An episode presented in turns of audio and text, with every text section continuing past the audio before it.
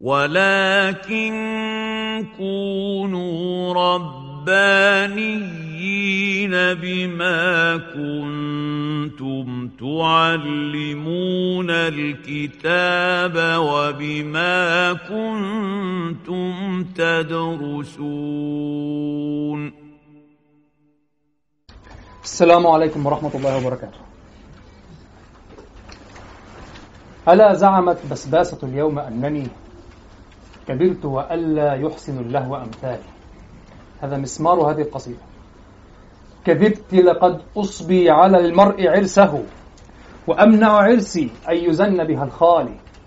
ويا رب يوم قد لهوت وليلة بآنسة كأنها خط تمثال يضيء الفراش وجهها لضجيعها كمصباح زيت في قناديل دبال كأن على لباتها جمر مصطل أصاب غدا جزلا وكف بأجذال وهبت له ريح بمختلف الصوى صبا وشمال في منازل قفال.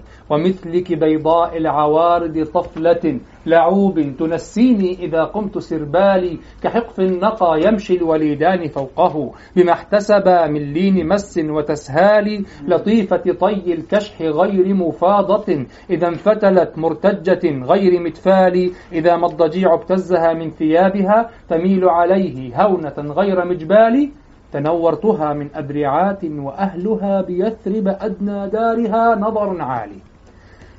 ثم ذهب فقال نظرت إليها والنجوم كأنها مصابيح رهبان تشب لقفال ثم سموت إليها بعدما نام أهلها سمو حباب الماء حالا على حالي. فقالت سباك الله إنك فاضحي ألست ترى السمار والناس أحوالي؟ فقلت يمين الله أبرح قاعدا ولو قطعوا رأسي لديك وأوصالي حلفت لها بالله حلفة فاجر. لنام فما إن من حديث ولا صال.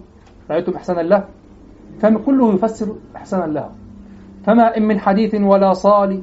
فلما تنازعنا شوف تفسير إحسان له يشرح إحسانا له فلما تنازعنا الحديث وأسمحت حصرت بغصن ذي شماريخ ميال. وصرنا إلى الحسنى ورق كلامنا ورد فذلت صعبة أي إذلال فأصبحت معشوقا. امرؤ القيس طبعا عنده في شعره دائما يقدم ويؤخر كثيرا.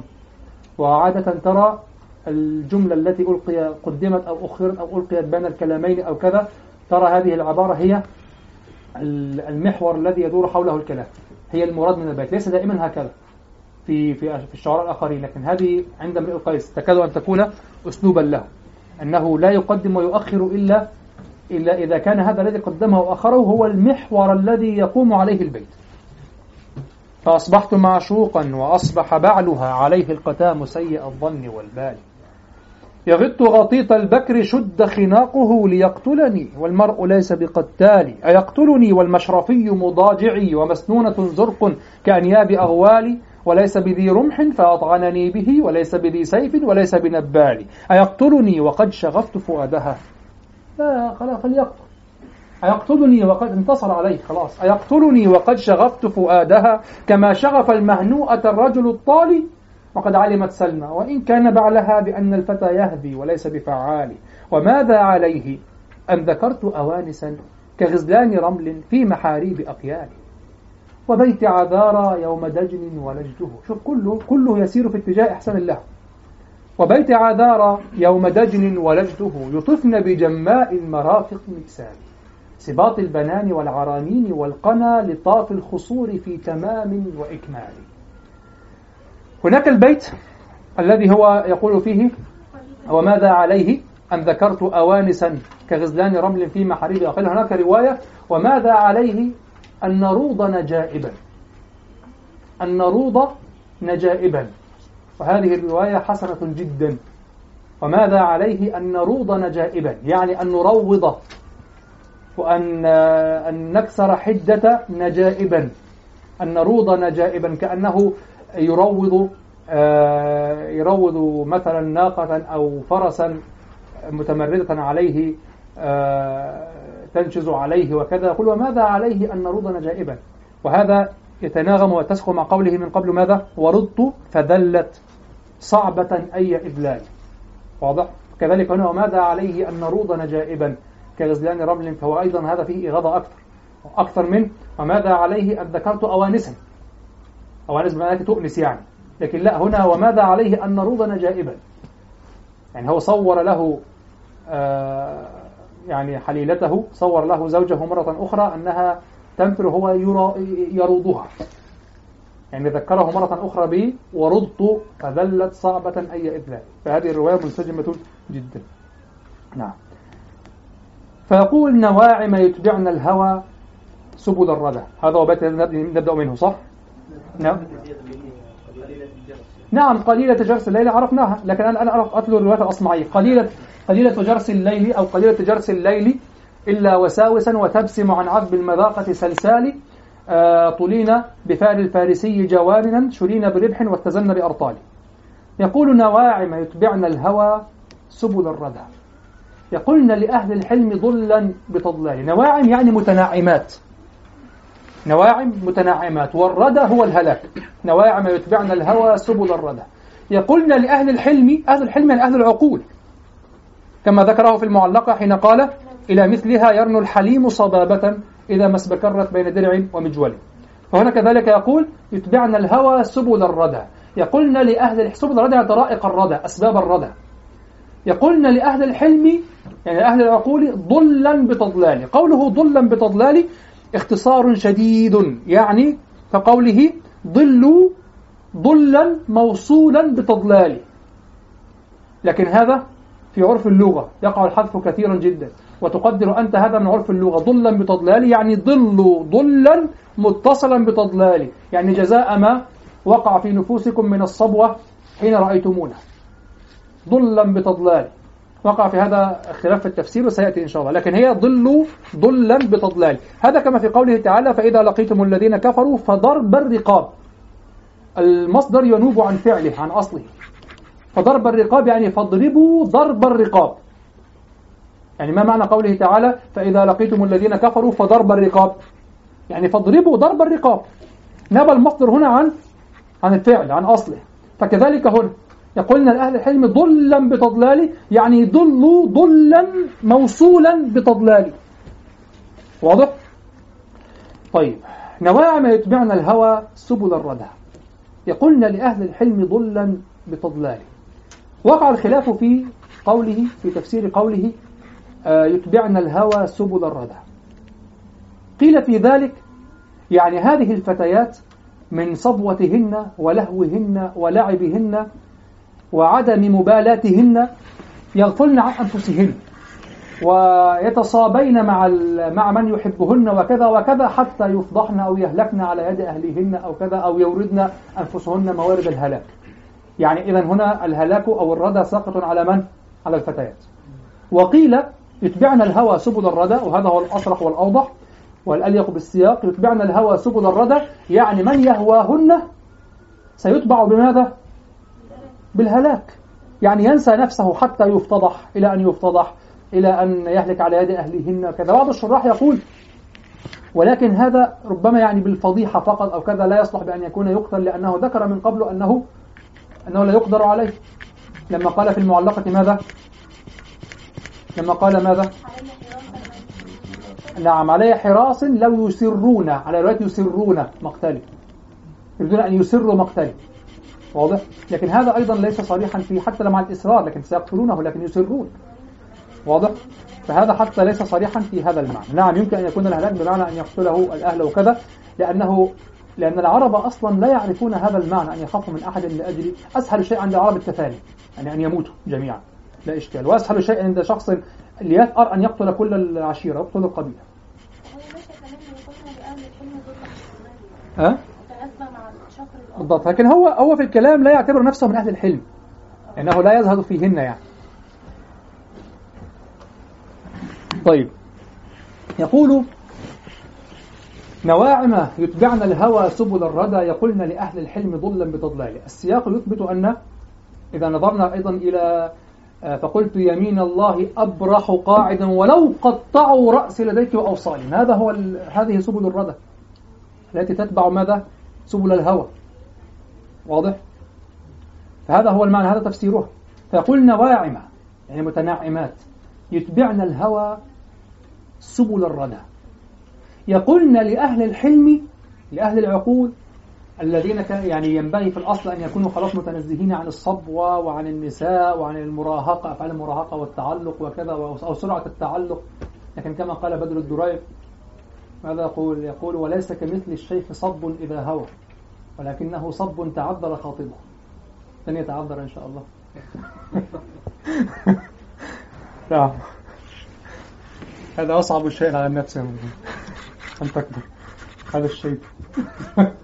الله المستعان يقولن واعم يتبعن الهوى سبل الردى يقولن لأهل الحلم ضل أهل الحلم بقى. خلاص هم. ليس نحن يعني. نحن في صف الشاعر. يتبعن الهوى. يقولن لأهل الحلم ضلا بتضلال.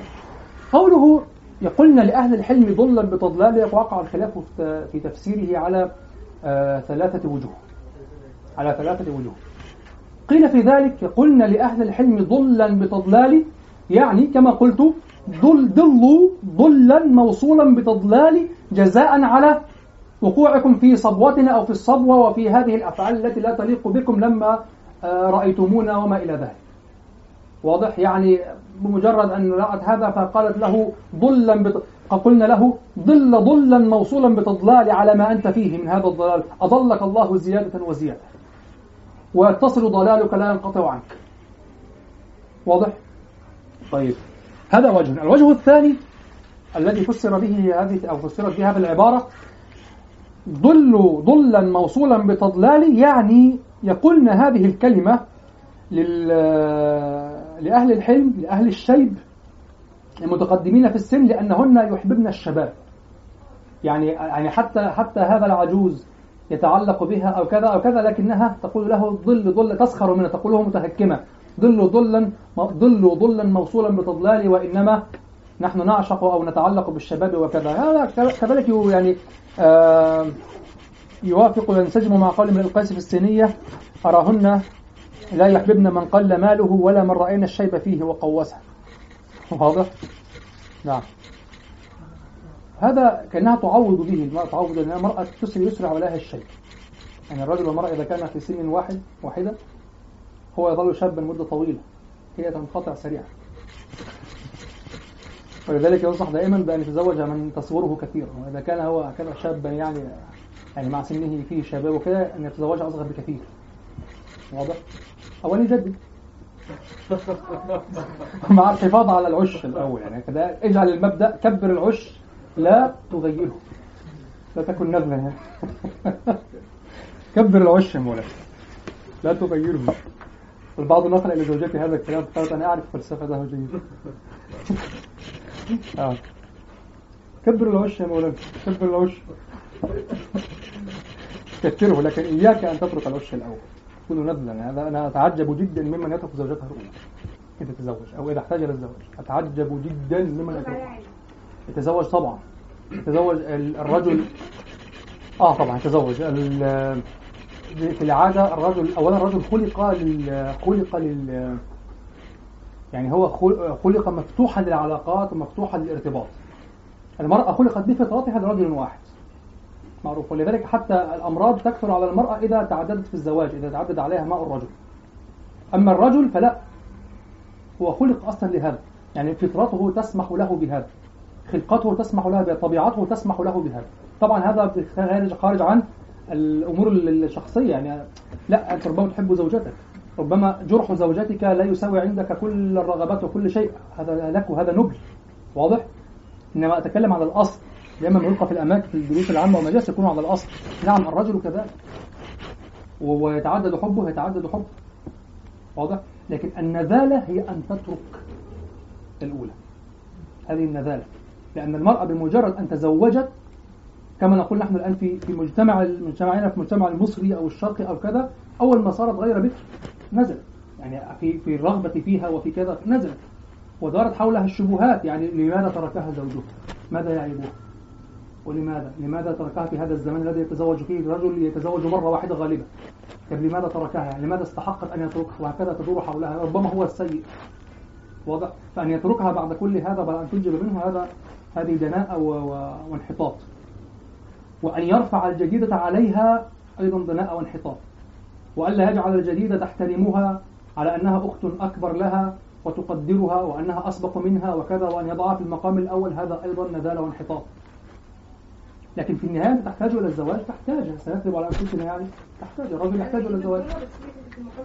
طبعا في المقام الأول في الدور الأول كمان. الدور الأول. بس البلكونه بتاعت الغسيل ده فوق بعضها.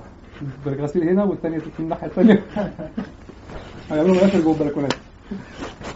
لا لا ثقافتنا المصرية للأسف التي يعني تسيء لقضية التعدد و... و... لا هو هو شرع.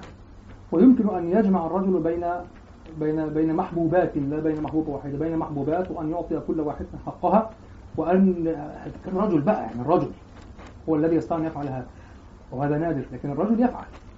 يفعل هات لي واحد يقدر يقول الكلام ده في دروسه. وعارف إن ممكن برضه تشوفها لا طبعا في معالجات.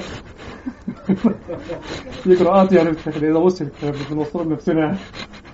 لكن لا هذا طبعا لابد أن يبين وليس معناه التساءل لا بل تحترم وترفع ويرفع من شأنها وكذا. كل هذا الشرع والعرف والطبيعة الإنسانية تفرضها. لكن نحن ضيقنا حتى من الطبيعة الإنسانية. هذه المشكلة. طيب.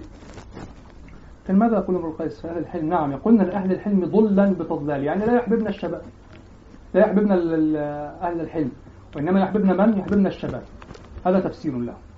أراهن لا يحببن من قل ماله ولا من رأينا الشيب فيه وقوته نعم. بسرعة بسرعة. هو ما ينفعش يكونوا هم اللي بيقولوا لأهل الحلم ضمن القول الأول. لا ما اقصدش إن هم ضل واصلا جزاء يعني بهم لكن أقصد إن هم يكونوا نواعم فعل الهوى سبل الرضا إن هم يكونوا بيطلبوا من ضلا يعني. نحن نستحق هذا ضلوا ضلا بتضلال يعني. هذا هو القول الثالث لكن ليس على ليس على القول ليس على التلفظ. يعني كأنه لا لا يطلبن. يقع الضلال بمجرد رؤيتهن. فكأنهن فكأنهن قلن له ضلا بتضلال. شفت ده ترى أنا دايما دائما دائما كثير الكلمات العربية في المعاني تراها مستعملة في حياتنا اليومية لكن بلهجتنا العامية. هو أنا أول ما أدخل من بره تقولي نكد. صح؟ تقولي تنكد. هي قالت تنكد. وكأنها قالت تنكد فتنكد. يعني شوف كأنها كن. فيكون. طبعا مع. آه. اول هو أنا الزوج المصري العادي يعني. هو أنا اول ما ادخل من بره تقولي اتنكد. يعني أنا اتنكد. فهن يقولن لأهل الحلم ضلا بتضلال. هذه استعارة. يعني كأنهن قلن لأهل الحلم ضلا أول ما رآهن. يعني دي البنت دي أول ما شفتها قالت لي ضل. ضليت على طول. هل قالت له ضل؟ هل قالت له ضلا بتضلال؟ لا. وهذا هو الأرجح في هذا السياق. يعني سرعة وقوع الضلال بهن والقول الثاني الذي هو قول يحببنا الشباب وكذا يتسق في أصله لكن لا يتسق مع السياق والمقام. لأنه يغرق في وصف لهوه وفي بيان مكانة هذه الفتيات. العذارة لا يسهب في وصفهن هن يعني يسهب في وصفهن بما يتفق وتصعيب وتعسير الوصول إليهن. ليثبت أنه يحسن الله. فلذلك القول الأول أيضا متأتم يقولن لأهل الحلم ضلا بتضلال يعني يسخرن من أهل الحلم ضلا بتضلال على ما أصابكم من الصبوة لما رأي لما رأيتمونا وكذا وكذا. لكن القول الثالث أقوى وأدل في المعنى. يقولن لأهل الحلم ضلا بتضلال أول ما يراهن الحليم يضل.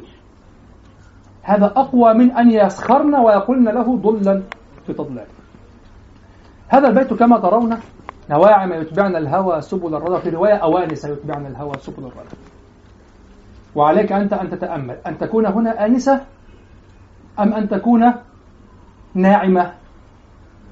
هنا السياق أن تكون ناعمة.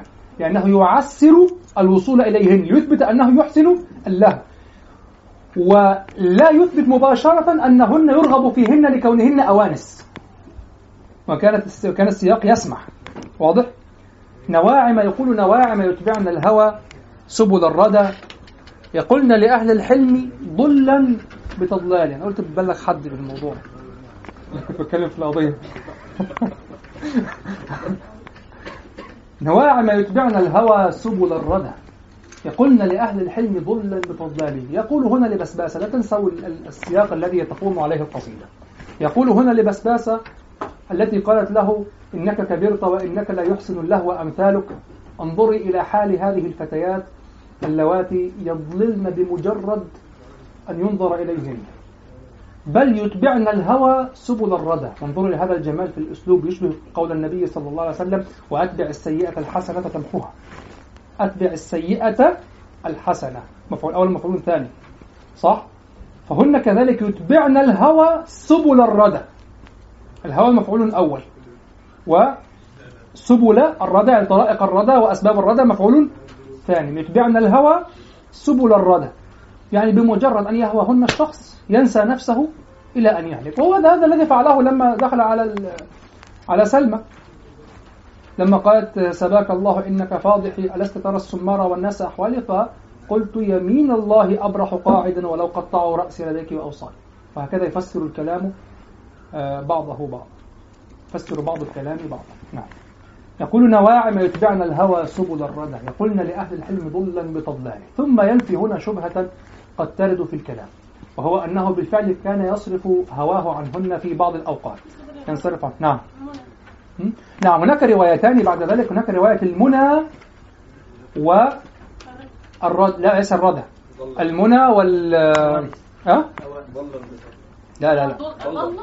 نعم هناك رواية ضل أيضا على سبيل الدعاء لكن ليس على ليس على نفس التركيب. يقولنا لأهل الحلم ضل صح؟ ضل يعني ضل يصيبكم موصولا بتضلال. هذا هو المعنى. دعاء أيضا. ضل يصيبكم موصولا بتضلال. إذا غفلت عن الروايات ذكروني بها. ضل يصيبكم موصولا بت... لأنني أعتمد في الأصل تثبت في دين أصمعي ضل يصيبكم موصولا بتضلال. أيضا على سبيل الدعاء لكن ضلا آه كنا أهل العلم ضلا ضلا بتضلال يعني ضلوا ضلا. نبى المصدر عن الفعل. أما هنا فذكر الفعل. واضح؟ ضل يصيبكم.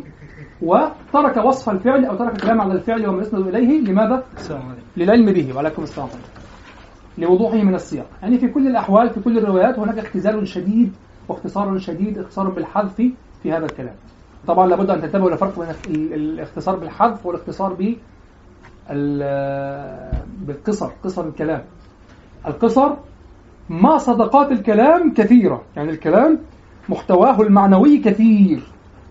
كما قال بعض السلف لو شئت أن أوقر سبعين بعيرا من تفسير الفاتحة لفعلت.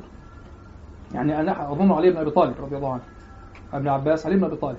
أن أحمل يعني أن أكتب في الدفاتر في الصحف ما يحمله سبعون بعير من تفسير الفاتحة لفعلت. هل هذا توضيح للألفاظ والتراكيب؟ لا هذا توضيح لما يصدق عليه الكلام. فهي مختصرة شديدة شديدة الاختصار لذلك افتتح بها القرآن ووراءها سورة البقرة مباشرة. أطول سورة في القرآن. واضح؟ فهي أم الكتاب هي هي فاتحة الكتاب. الفاتحة. تبدو لك هينة بس لا معانيها كثيرة محملة. هذا وجه من وجوه البلاغة في الكلام. وجه آخر الاختصار. واسأل القرية. هل اسأل القرية لأنها تحوي معاني كثيرة؟ لا. اسأل القرية اسأل أهل القرية. اسأل أهل القرية. ولذلك أخطأ أبو زيد القرشي في مقدمته على جمهرة أشعار العرب لما قال خطاب الشعراء الجاهليين للأطلال هو خطاب للأهل على طريقة واسأل القرية. هناك اختصارا بالحذف. يعني هو يريد مني أن أقدر محذوفا هنا في كل خطاب للشاعر للطلل وهذا يمتنع مع أكثر الشعر أصلا. ولا يخاطب أهل الطلل أهل الطلل انصرف طيب وماذا حينما يخاطب أهل يخاطب الطلل عن أهل الطلل؟ يعني هل يعني يقول يا أهل الطلل أخبروا عن أنفسكم يعني؟ هذا خطأ كبير وقع فيه أبو القرشي في مقدمته على جمهور الأشعار لما أراد أن يأتي ببعض طرائق الشعر القديم أنها موجودة في القرآن في لغة القرآن. هذا ليس منه ليس من هذا الباب. الشاعر القديم يخاطب الطلل فعلا لا على سبيل المجاز. هو يكلم الطلل فعلا. ولذلك إذا لم يرد عليه جعله أخرس. هل يجعل أهل الطلل خرسا؟ واضح؟ يعني مثلا واسأل القرية. إذا سأل القرية ولم تجيبه فقال قرية خرساء. يقصد من؟ أهل القرية. لأن هنا مجاز بالحذف. إجاز بالحذف صح؟ إجاز اختصار بالحذف. لكن امرؤ القيس لما قال مثلا ألم على الربع القديم بعسعسة كأني أنادي أو أكلم أخرسة. إذا هو يكلم من الطلل وليس يقصد أهل الطلل خرس يعني. واضح؟ طيب. فهو يقول في نعم ضلا بتضلال أو ضل بتضلال ضل ضل يصيبكم موصولا بتضلال فالاختصار بالحذف هنا بالحذف آه، على كل الروايات أو على كل الأحوال ثم قلنا واعم يتبعنا الهوى سبل الردى يقولنا لأهلي هناك رواية بالمنى وهناك رواية بماذا؟ بالنوى يقولنا لأهل. نعم يتبعنا الهوى سبل المنى يعني بعدما يهوهن الإنسان يحت... آه، يتبع ذلك يتبع ذلك سبل المنى. إما بالبعد أو يظل يتمناهن أو كذا. وهذا المعنى صحيح لكنه خفيف بارد. لا لا شيء فيه لا شيء كبير فيه يعني. وكذلك يتبعنا الهوى سبل النوى. يعني إذا الإنسان هواهن فهذا يتبعه ماذا؟ أسباب النوى البعد. إما لأنه يبتعد عنهن خشية الهلك وإما هن يعلقن الإنسان يعني يجعلنه يتعلق بهن يهواهن ثم يبتعدن عنه فيتبعن الهوى سبل النوى. يعني بمجرد أن يهواهن يبتعدن عنه خلاص. المنى معنى يعني المنى هو الطلب والرجاء والتعلق وكذا طيب ما هي في الهوى؟ متضمنه في الهوى هم قالوا ان سبل المنى يعني يتبعنا ما يحبونه يعني يعني هو آه هو يتبعنا الهوى سبل المنى؟ آه ان هو يحب ما يحب ما يعني الحلماء الحليمين يعني اللي هم حلماء؟ آه آه، اللي هم بيحبوه هو هيحبوهم لأنهم يتبعونه. لا كيف؟ مرة أخرى. عادي بالراحة. مش عارفة أقول يعني يعني مثلا لو هي بتحب. يعني هم بيحبوا الشيء لأن... لأنهم بيحبوه. يتبعنا الهوى سبل المنى. يعني ه- آه، كل إنسان يهواهن يحب ما يحببنه. كده. فيها تكلف وبعد واضح جدا يعني. يتبعنا الهوى سبل المنى. لماذا يذهب من كل هذا الركام من المعنى ويذهب إليه؟ هو ده اللي أنا قريته في كلمة المنى. نعم. يتبعنا الهوى سبل المنى. يعني من يهواهن يهوى كل ما يهوينه يعني. بالظبط كده. هي تصح في أصلها ليس في السياق الشعري. أيضا ليس فيها شرف المعنى. لكن يتبعنا الهوى سبل الردى وتتسق مع ماذا؟ آه. في أنا فاهم أنا واضح. في في يظن لاهل الحلم ظلم بفضله ان هم من يعاتبهم من الحليم يكون انت ضال يعني على فعلته ان هو يعاتبهم على فعلته وداخل في القول الأول. يعني الضلال وقع منكم أنتم يعني. هذا وقع في الأول هو بيحاول فقط أن يفسر كيف يأتي هذا السياق كيف يأتي الكلام. لكن هو يرجع في النهاية إلى القول الأول. قال نواع ما يتبعنا الهوى سبل الردى. يقولن لأهل الحلم ضلا بتضلال. ثم قال صرفت الهوى عنهن من خشية الردى. هذا يتسق مع قولي أيضا من خشية الردى. صرفت. صرفت الهوى عنهن من خشية الردى ولست بمقلي الخلال ولا قال. هذا كله يسير في اتجاه قوله كذبت لقد أصبي على المرء عرسه وأمن عرس يزن بها الخال وفي سياق رده على بسباسة حينما قالت له إنك كبرت وإنك لا يحسن اللهو أمثالك. لأنه لا يتكلم على أنه قد كبر بالفعل من جهة ال- السن. لا ما وصل إليه من الحال. قال صرفت الهوى عنهن من خشية الردى. ولست بمقلي الخلال ولا قال. وعليكم السلام. يقول صرفت الهوى عنهن من خشية الردى الردى هو الهلاك يعني صرفت هواي عنهن من خشية الردى ولست بمقلي الخلال ولا قال مقلي على زينة المفعول وقال أو قال على زينة الفاعل هذا من القلى والقلى وهو البغض. فلست بمقلي يعني لست بمبغوض. ولست بقال لست بباغض. والخلال هذا ليس جمع خل التي هي الخصلة. الخلال هنا مصدر لقولهم خال الرجل مخالة وخلالا وهي المصاحبة. انتبهوا لست بقول الخلال ليس معناها الصفات ليس معناها الشمائل ليس معناها الخصال. ليست جمع خلة بمعنى ال- الصفة الخليقة. واضح؟ الش... الش... ال- ال- الشملة الأخلاقية لا وإنما معناها هذا مصدر لخالة. يقال خال الرجل مخالة وخلالا. فهي كمخالة.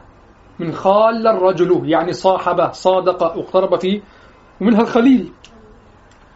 واضح؟ المخالة والخلال هي الاقتراب حتى أنه يتخلله. فيقول ولست بمقلي الخلال يعني المخالة يعني الصحبة وليس الصفات. ليس الجمع خلة. ولست بمقلي الخلال لست بمقلي الصحبة ولا قال.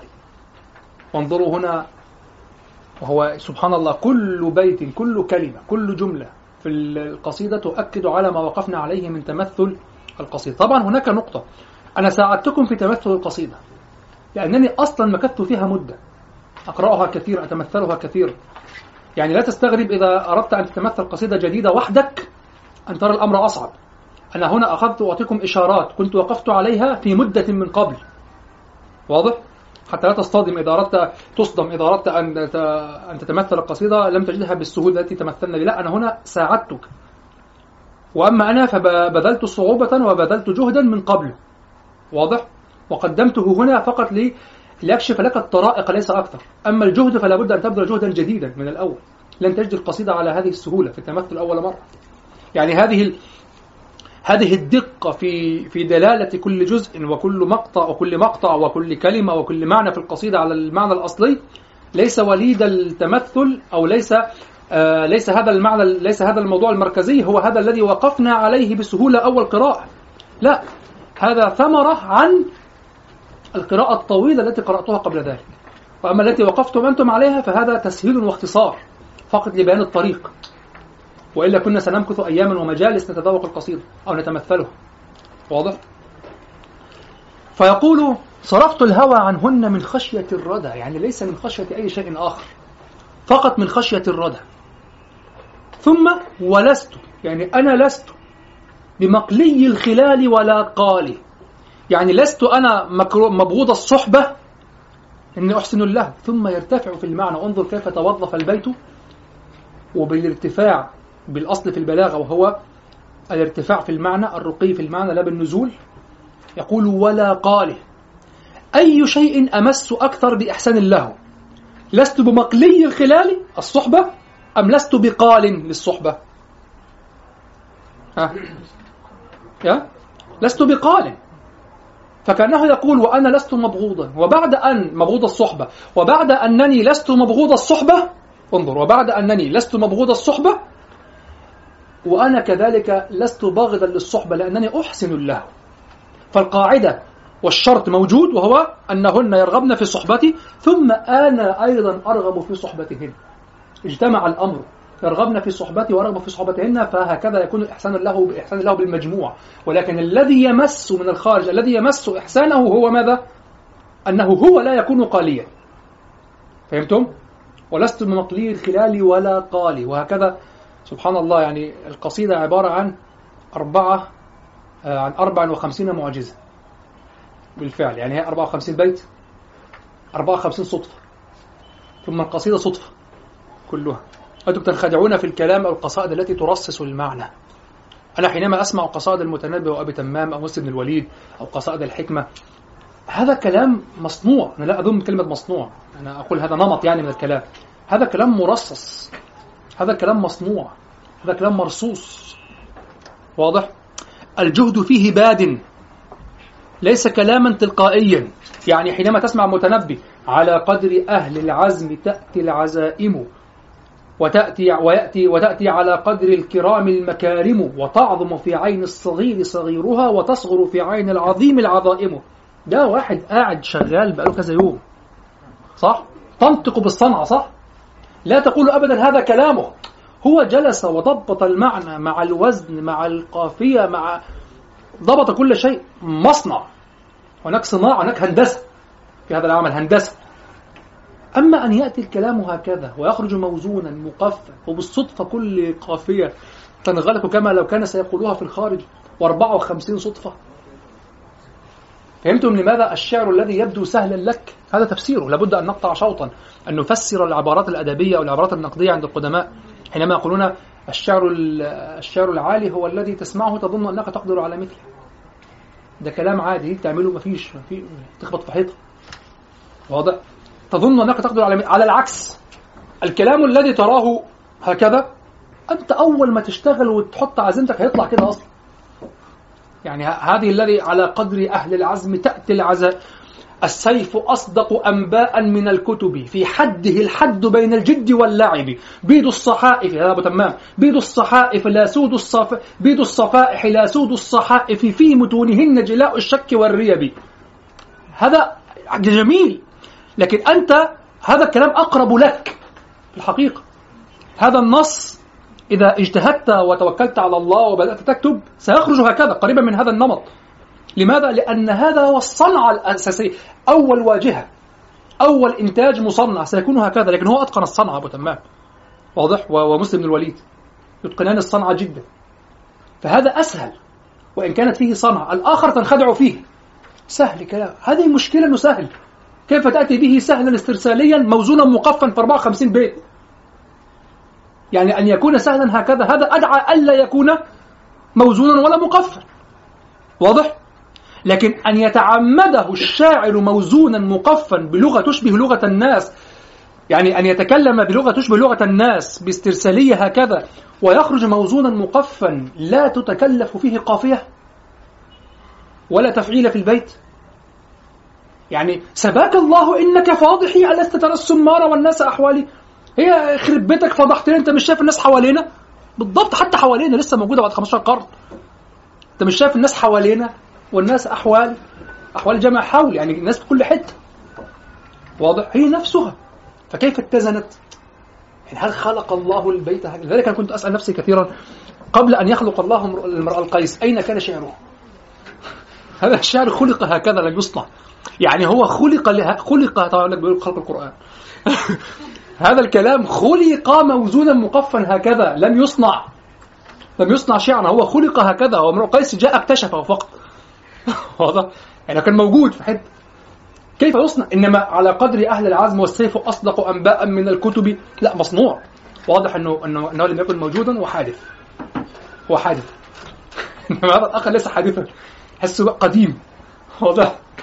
حسه قديم. شيء قديم كده. ما تنفعش إن هو يكون طبعا مع المجازات. درس توحيد مع المجازات. ليس القديم ليس الأزلي. واضح؟ طيب ولهذا أقول لكم هذا إعجاز بفعل ولست بمقلي الخلال ولا قال في تمام وإكمال. على هذا الترتيب. آه، آه، بما احتسب من لين مس وتسهال. سترى أن المس يحدث أولا ثم الشعور بالتسهال. وتأتي هذه الصدف الصدف التوافقات المصادفات تأتي في أربعة وخمسين في أربعة وخمسين صدفة ثم القصيدة كلها صدفة كيف يعني؟ يعني يحدث. يعني هناك صدف أخرى وهي العلاقة بين كل صدفة وصدفة صدفة جديدة ثم كلها مصيبة صدفة كبيرة كده واضح؟ لذلك أقول هذه القصيدة هي التي يظهر بها أتحدى أن ينثرها أحد تنثر ماذا؟ ما فيش صنع لكن السيف أصدق أنباء من الكتب آه تنثر تنثر طبعا مع التغير ما سيحدث في المعنى طبعا سيحدث تغير. لكن أقول يمكن أن يمكن أن تحولها نثر. إنما هذا يتحول نثر هي نثر أصلا. هي نثر أصلا. سترى أنك تكتب البيت مرة أخرى. وكذلك أكثر قصيدة ابن آل نعم لعمر بن أبي ربيعة. ولكني أراه ربما تكلف في آه، آه، فقالت وقد لانت وأفرخ روعها كلاك بحفظ ربك المتكبر. لماذا المتكبر؟ لا أجد صفة المتكبر في هذا السياق. معنى هناك صفات الله تعالى وأسماؤه بعضها أليق في هذا المقام لكن القافية الرائية ربك المتكبر. بالعكس هذا قد يكون شؤما عليك أنت. أنت الظالم هنا. واضح؟ نعم. ها؟ يقول صرفت أنا سأتي سأشرح البيت يقول صرفت الهوى عنهن من خشية الردى لا من غيره. صرفت الهوى عنهن من خشية الردى فقط. ولذلك أرجح أن هذه الواو واو الحال. ولست والحال أنني لست بمقلي الخلال ولا قالسة استنافية. لا حال يعني صرفت الهوى عنهن من خشية الردى والحال أنني لست بمقلي الصحبة ولا أنا قالي لهذه الصحبة. لست بمقلي الصحبة لست بباغض لصحبتهن ولست لا, لا, لا يبغضن صحبتي لست مبغوض الصحبة ولست أنا بباغض صحبتهن. واضح؟ الحال كذلك. لكن فقط من خشية الهوى فلا تفهمي أن صرفي للهوى كان لأجل هذا فقط. ثم هناك ثلاثة أبيات تفرد بها السكري بعد هذه الأبيات. يعني الوضع هنا قيس. أه؟ يعني هو ده مش متنافي مع قوله. ولو قطعوا رأسي لديك واوصالي يعني لا يا أخت كانت سلمى. أيوه ماشي. لا، لا. الكلام الآخر كان لسلمى. هذا كلام لحظة هذا كلام لسلمى. عنده أو يعني دي اسمها إيه نظرية بيتعامل بيها؟ لا لا لا ليس كذلك. لا لحظة. هي أختكم تقول لم يقل لسلمى آه، يمين الله أبرح قاعدا ولو قطعوا رأس لديك وأوصالي. هذه حال كان فيها. هذه حال. هو أصلا كان يكذب عليها. واضح؟ نعم. لحظة لحظة بس لحظة لكن هنا يقول صرفت الهوى عنهن من خشية الردى. خايف على نفسه. طبيعي. وخشية الردى يتوقف على تفسير الردى المقصود في يتبعن الهوى سبل الردى. وهذا ينفي أن يكون التفسير الردى الذي يسقط عليهن. صرفت الهوى عنهن من خشية الردى عليهن يعني نستهبل؟ لكن الردى الذي يلحق من يهواهن. فكذلك هنا صرفت الهوى عنهن من خشية الردى يعني أحيانا كان يفعل ولست بمقلي الخلال ولا قال.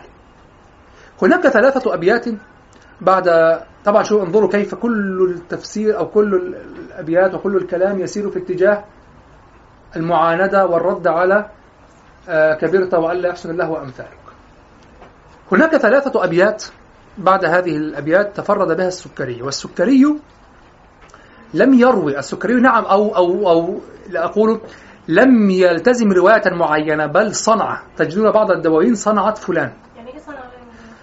تجدون صنعة ورواية. رواية يعني هناك رواية أنا تلقيتها عن شخص ورويتها هكذا بنفس النسق بنفس السياق كرواية الأصمعي. السكري روى عن فلان منهم الأصمعي روى عن تلاميذ الأصمعي مباشرة. الرياشي. وبحاتم هؤلاء. روى عن تلاميذ الأصمعي وهو ابن أخته عبد الرحمن ابن ابن أخيه عبد الرحمن. روى عن الأصمعي من عن تلاميذ الأصمعي وروى عن غير الأصمعي ثم صنع من كل هذا نصا كبيرا. فيسمى صنع لا رواية. هذه روايات مصنوعة من أو هذا هذه هذا نص هذه صياغة مصنوعة من مجموع روايات. واضح؟ فهذه صنعة. فحينما ترى ال- الذي صنع الرواية أو صنع الديوان تفرد برواية تقلق. يعني؟ جمعها صنعها. تقلق. لماذا؟ كيف فاتت على الأصمعي وعلى المفتح تعرفون الحديث الشاذ في دراسة الحديث النبوي المصطلح؟ الشاذ يعني الشاذ ربما الشاذ يكون منطقة أصلا. النص عادة يتردد بين أو بمنطقين يتردد بين أن يكون زيادة ثقة. هذه إشكالية. هل هي زيادة ثقة أم شذوذا؟ ولذلك ترون الذين يقع لهم التساهل في التصحيح يقع عادة من جعلهم الشذوذ زيادة ثقة. الشذوذ يجعلونه زيادة ثقة. يعني مثلا هذا الحديث رواه عشرون واحد عشرون راوي. كلهم عدول ضباط خلاص ثقات. والثقة العدالة والضبط. رووا هذا الحديث. ولكن جاء رقم 21 وهو ثقة أيضا وجعل فيه زيادة. لم يروها الذين سبقوه. هناك هنا يأتي دور الحس عند المحدث. و و ودور أو وظيفة تعامله أو ثمرة تعامله مع الرواة ومع عدد الرواة. فيقول هنا لا يصلح لا يصلح أن يكون آه، زيادة ثقة. يعني زيادة ثقة يعني أن يروي ما لم يرويه غيره. مقبولة ما الإشكال يعني؟ أنت أخبرتني بخبر الآن. هو لم يخبرني. آه، زيادة مقبول. أو كلاكما أخبرني بخبر واحد وأنت جئت فيه بزيادة مقبول أن ترى شيئا لم يره. لكن كل هؤلاء أخبروا نفس الخبر وأنت الوحيد الذي أخبرتني فيه بزيادة. أنا هنا أقدر أن هذه شذوذ. هو أقرب إلى أن يكون قد غفل. أخطأ. رأى شيئا خطأ. لكن ربما بعد التفتيش يتبين أن فلانا هذا كان مخولا له أن يدخل مكانا يجعله يرى بعينه أو يسمع بأذنه ما لم يسمعه كل هؤلاء. شوف التعقيد. طب لو أننا لا أعرف. ولهذا أنا أسلم إلى أحكام القدماء في الحديث. لا أخذ بكلام العصريين. لأن العصري محكوم بتهذيب الكمال للمزي وتهذيب التهذيب لابن حجر العسقلاني ويجلس ويخرج وكذا حديث متصل إيه؟ عدي حديث متصل ليه عدي ثم يقول أنا لا أدري لماذا ضعفه أحمد بن حنبل. لماذا ضعفه يحيى بن معين؟ لماذا ضعفه يحيى بن سعد القطان؟ لماذا ضعفه معمر بن لماذا ضعفه هؤلاء؟ لماذا؟ لا أدري لا نجد. أنت هم لم ينصوا لك على العلة. ليست ليست تعلقا ليست كالفقه. ليست متعلقة بذكائك وقدرتك واجتهادك. متعلقة بأمور ضرورية. هم رأوا ما لم تره في الرواة. ولذلك ربما تفتش بعد ذلك أو تطبع مخطوطات لم تكن مطبوعة يثبتوا أن هذا الشخص الذي عاصر فلانا وكان ثقة وكذا حادثة معينة جعلته لم يلتقي به. فترى أن القديم كان يعرف هذا ونص لك على الحكم الذي بناه على هذه المعرفة. وأنت بنيته على ثقة عدل إيه؟ والأصل اللقاء في إمكان للقاء يعني يقول يكفي إمكان اللقاء. لا يشترط النص على اللقاء. واضح؟ فعادي سليم خلاص. لا لا أخذ بأحكام القدماء. واضح؟ فكذلك هنا قضية الشذوذ والزيادة. متى نقول الشهادة نقول المتساهلون يقولون يعني يأتون إلى عادة عادة يقع تساهلهم في أنهم يجعلون. يجعلون الشذوذ زيادة ثقة. يقول والله لو رواه كثير رواه 20 واحد إيه المشكلة؟ فلان هذا ثقة أيضا.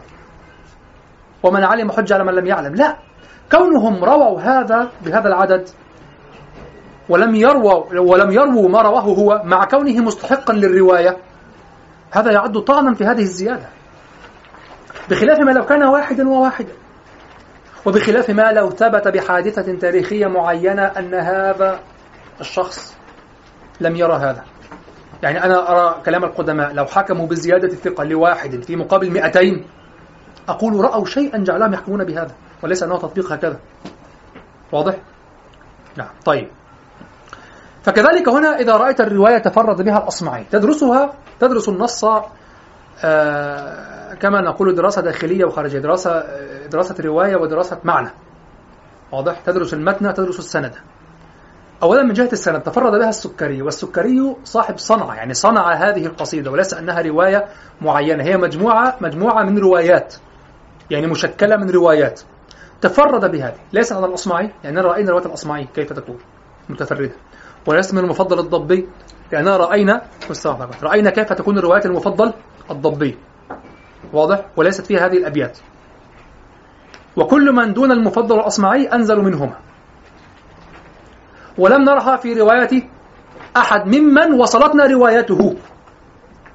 يعني معكم نسخة أبو الفضل إبراهيم فيها زيادة الروايات فيها اختلاف في النهاية فيها تحقيق الديوان في كل قصيدة. هذه منسوبة للسكري لا نعرف الرواية التي نسبها إليها. وهو جمع من روايات. هذا من جهة السند. أما من جهة المتن فتبدو لأول وهلة صحيحة وتسير في السياق لأنه يقول ماذا؟ ألا إنني بال على جمل بالي يقود بنا بال ويتبعنا بالي ألا يحبس الشيخ الغيور بناته؟ مخافة جني الشمائل مختال يقصر عنهن الطريق وغوله قتيل الغواني في الرياض وفي الخال. طبعا تسير مع اتجاه ماذا؟ مع اتجاه أنا أحسن اللهو وكذا وكذا وأنا صايع وأنا, وأنا.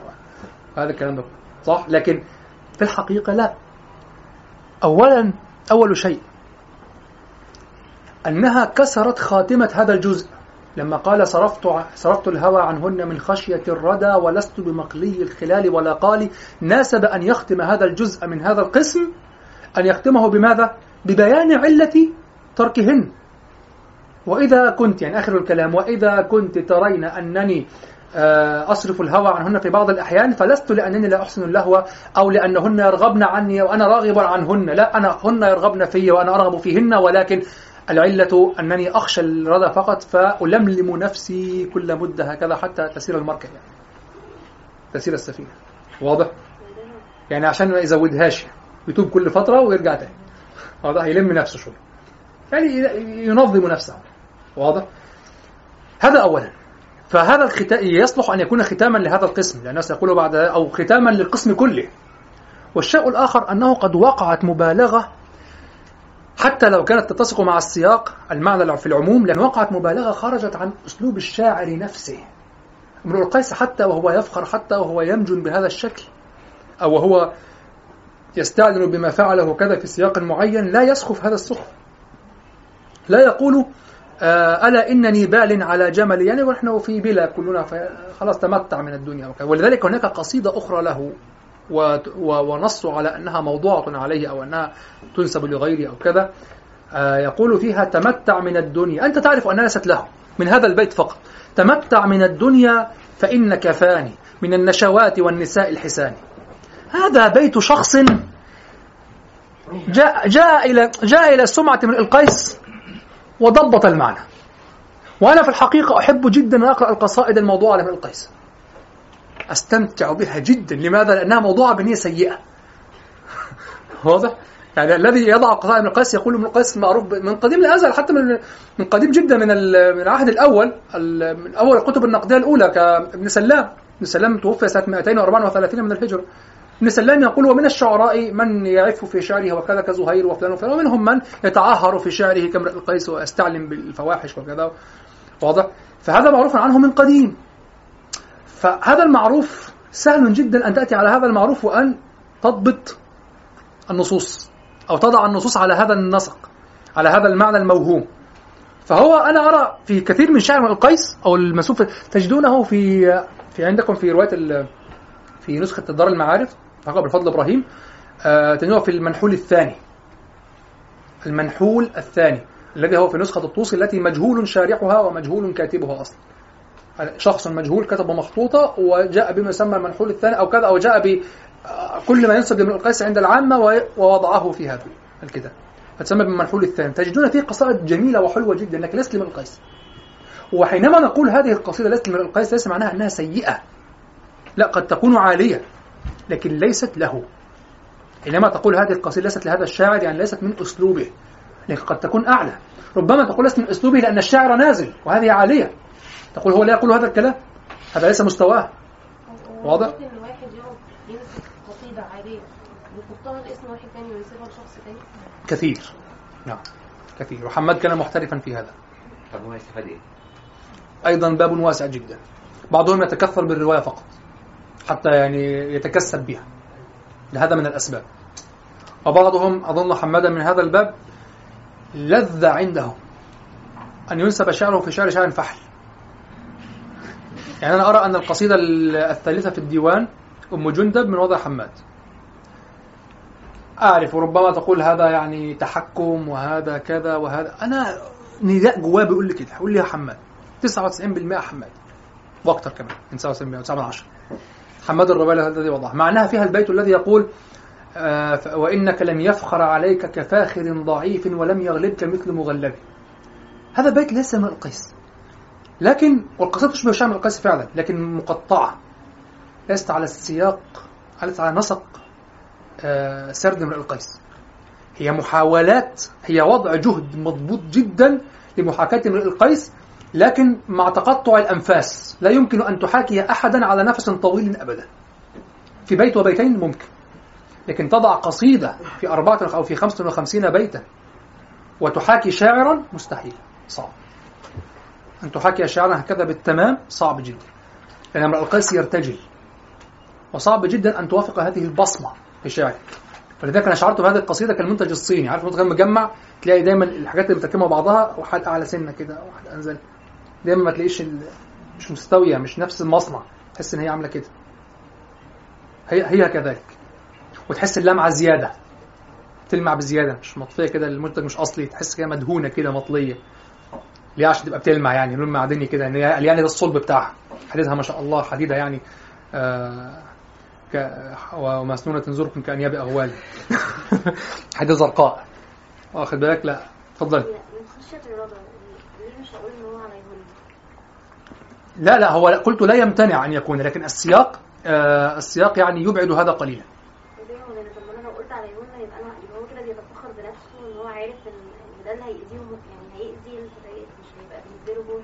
لا لأنه في سياق لا هو هنا في سياق أن يقول عن نفسه أنا الذي أفعل وأفعل وإنما صرفت الهوى عنهن من خشية الردى يعني عليهن يعني من خشية الردى من خشية الفضيحة عليهن فقط. المعنى قد يتأتى لكن هناك حينما يزاحمه معنى أسرع أو أكثر مبادرة إلى الذهن يتأخر. أنا لا أقول حينما أقول يترجح معنى على معنى لا ليس معناه أن الآخر مرفوض تماما لا يتأتى. لكن يزاحمه معنى أسبق إلى الذهن. يعني هو بيتكلم عن ضعف عن ضعف عنده هو أو إن هو مثلا وقت لأ ببقى خايف أنا من الهلاك أو يعني فببدأ إن أنا أرجع شوية. لكن أنا من هلاكهن يعني؟ لأ أنا قلت إن هو لو عليه على الفتيات أو على النساء الفكرة بالنسبة له إن هم. يعني أنا بالنسبة لي عادي لكن بالنسبة لهم هم اللي بيتأثروا فأنا خايف عليهم من الهلاك لكن بالنسبة له هو هو لما يقول كده فهو بيتكلم عن ضعف عنده. هذا يت... هذا لا ليس ضعف عنده لا آه ضعف أنه يعني يخشى الهلاك آه. كله بيخشى الهلاك إن حد هو يخش يقول ده- الهلاك. هذا يتوقف على تفسير ما هو الردى ولذلك عند تفسير الردى البعض رفض أن يكون الردى هو ال... يعني البعض يقول قد يصح أن يكون الفضيحة لكن لا يصح أن يكون القتل. أظن قال هذا عشان تمري. يعني يخشى الفضيحة. آه آه لا ابن مالك كند يخشى آه يخشى الفضيحة. إن يعرف فلان أو تسلل لبيت فلانة أو كذا أو كذا مشكلة طبعا. كلها عارفة. كيف؟ ممكن هلاك يعني يهلك بسبب ما هو ده القول اللي قلناه. الهلاك بالهوى إن ما هو هلاك هلاك بالهوى إزاي؟ لا ده هو عادي ده هو بيحيا بالهوى يعني هو هيصرف عن الهوى عنهن خشية اصل قلبه وجعه يعني بزيادة. لا لا مش مش نمط حب من القيس هو كلامك متأتي؟ آه؟ آه كلامك متأتي لكن آه بعض الأشياء لا لا يعللها إلا السياقات والشعور فقط. يعني كلمة خشية الردى كأن مخزونها الثقافي أنه يخشى الردى على نفسه وليس عليهن. يعني كأنه لو قال عليهن كان سيبين أنه عليهن. صرفت الهوى خشية عليهن. يعني خفت عليهم بس. لكن مش هيطلق. الإطلاق بينصرف لنفسه. هكذا أشعر يعني. يقول صرفت الهوى عنهن من خشية الردى ولست بمخلفها ولا قالي. ثم لك الأبيات الثلاثة يقول ألا إنني بال على جمل بل. هناك القصيدة كما قلت لكم التي يقول فيها آه تمتع من الدنيا فإنك فاني من النشوات والنساء الحسان واضح أن هذا شخص يعرف سمعة امرئ القيس ووضع القصيدة على هذا امرئ القيس بعد كل هذا الذي مرتم به يقول تمتع من الدنيا فإنك فاني من النشوات والنساء الحسان. سخفت صح؟ وقعت. ها؟ زهير ما قالهاش. أو زي ما قالش الكلام ده أصلا. خالص. يعني لكن سقطت سقطت يعني ابتذلت. ممكن نعم تصح أن تكون مبدأه أن تكون مبدأه في الحياة لكن لا يصح أن يقولها بهذا الابتذال. تمتع من الدنيا.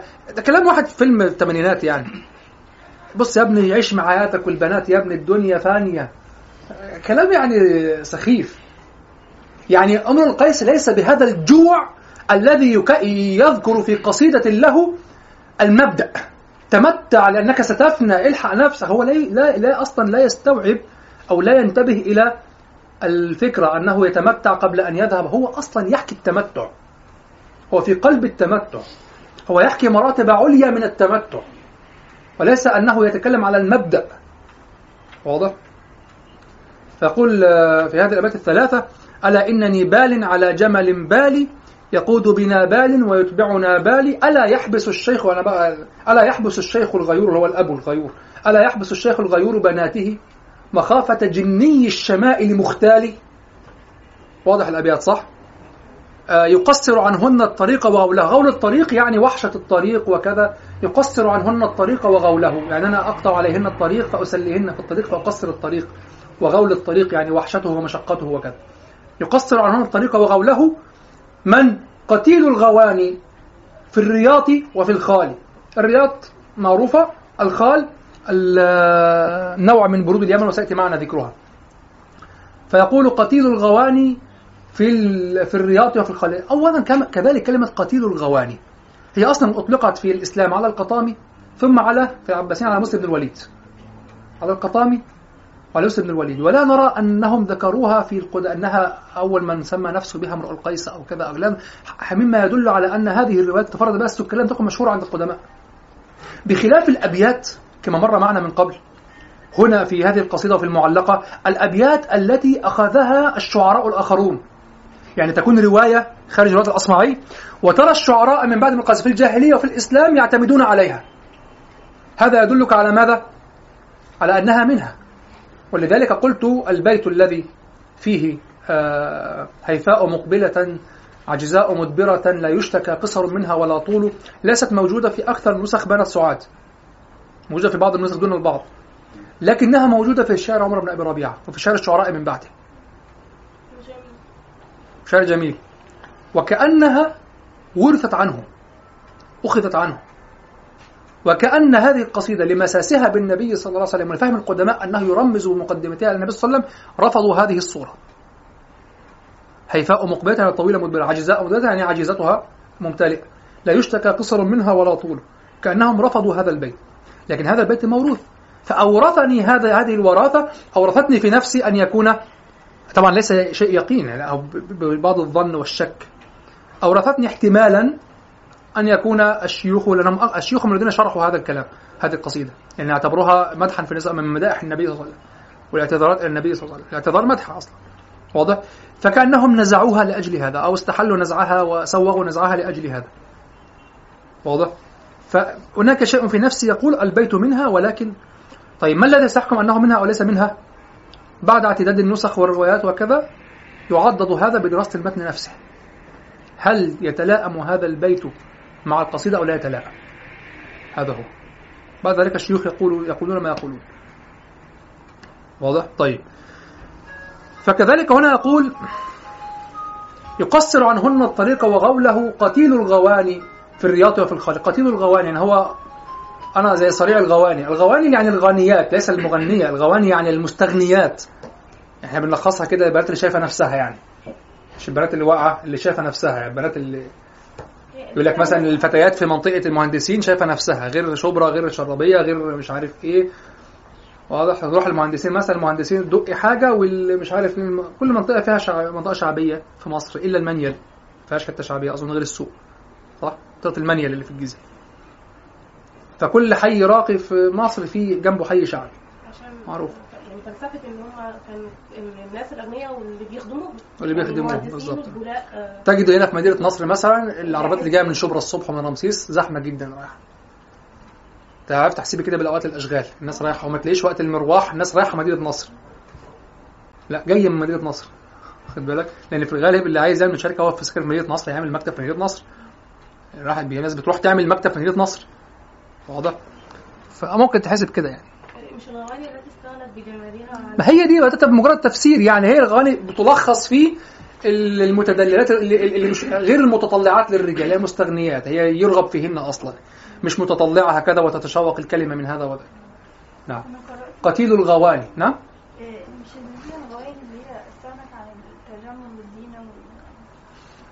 يعني هي تكون مستغنية عن ال...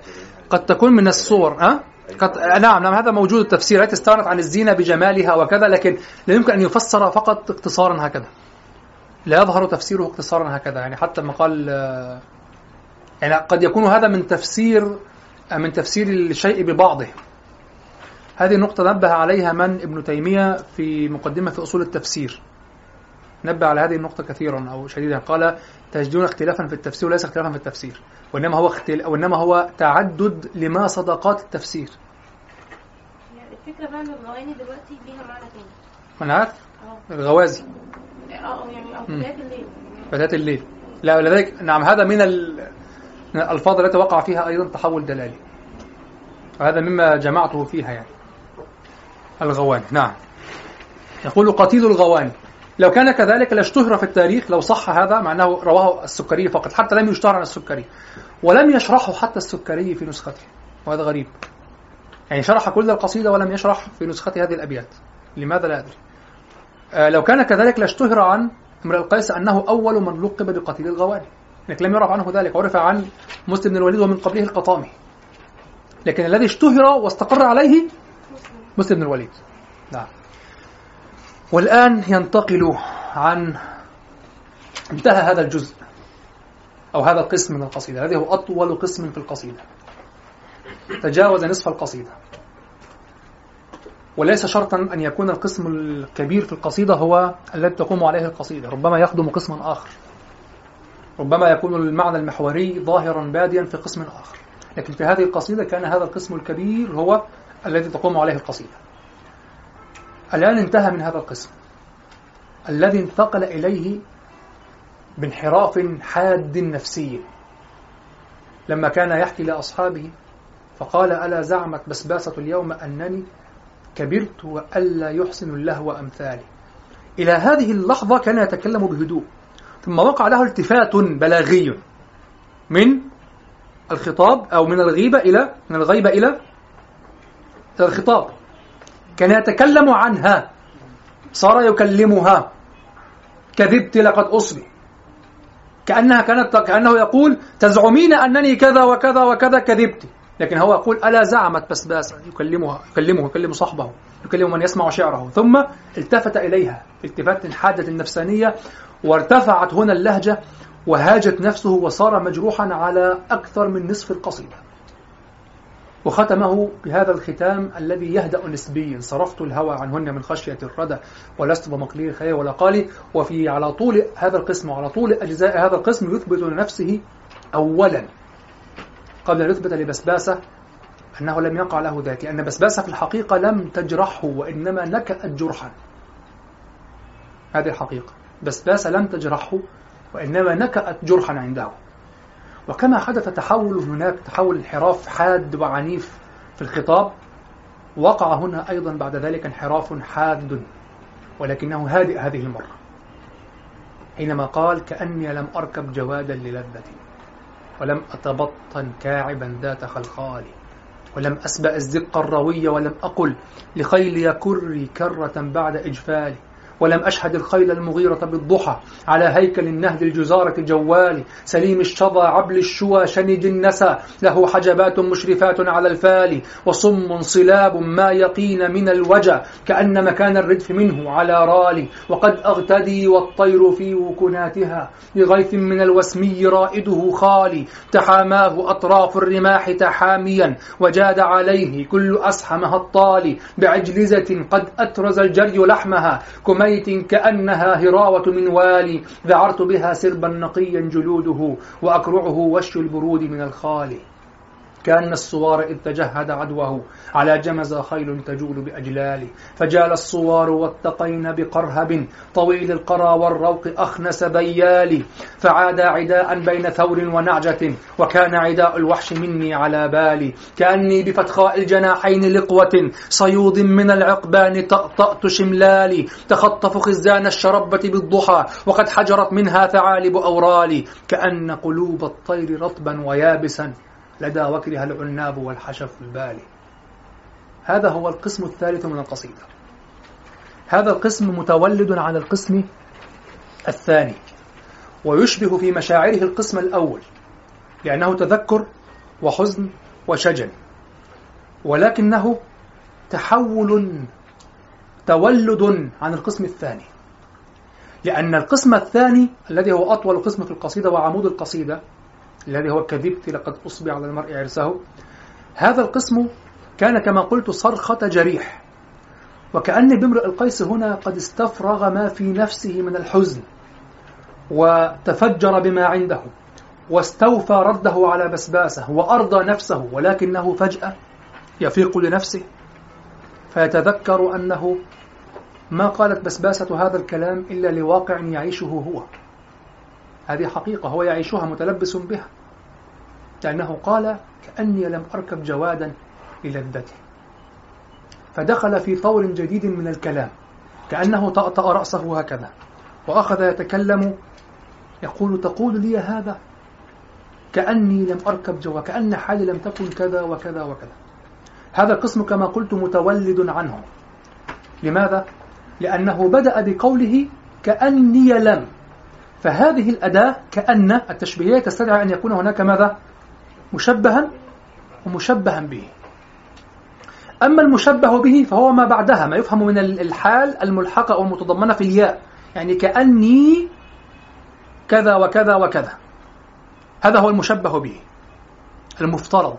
يعني تفعل هذا كأني كأن حالي كذا أنني لم أفعل ولم أفعل ولم أفعل. طب وأين هذا التشبيه؟ كأن. أين وجه الشبه مأخوذ من السياق من مجموع الكلام؟ المشكلة الآن أين المشبه به؟ ما قبل هذا الكلام. يشبه حالا بحال. سترى نفسك هنا تبحث فيما قبل كأن عن الحال التي تشبه بها أو تشبه التي تشبه بالحال بعد كأن تريد أن تطمئن إلى هذا. جرب الآن أن تقرأ الأبيات على أنها وحدها هكذا من القصيدة. ليست من القصيدة أنها مستقلة. هكذا. كأني لم أركب. جرب الآن أن تقرأ. كأني لم أركب. فقط هكذا. ماذا شعرت؟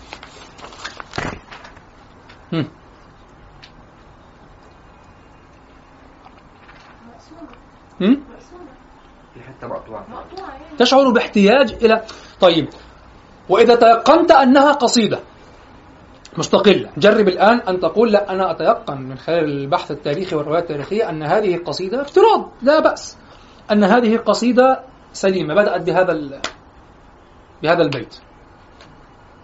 كأني لم أركب جوادا للذة ولم أتبطن كاعبا ذات خلخال ترى أن عقلك يبحث عن حال هي في خارج النص. صح؟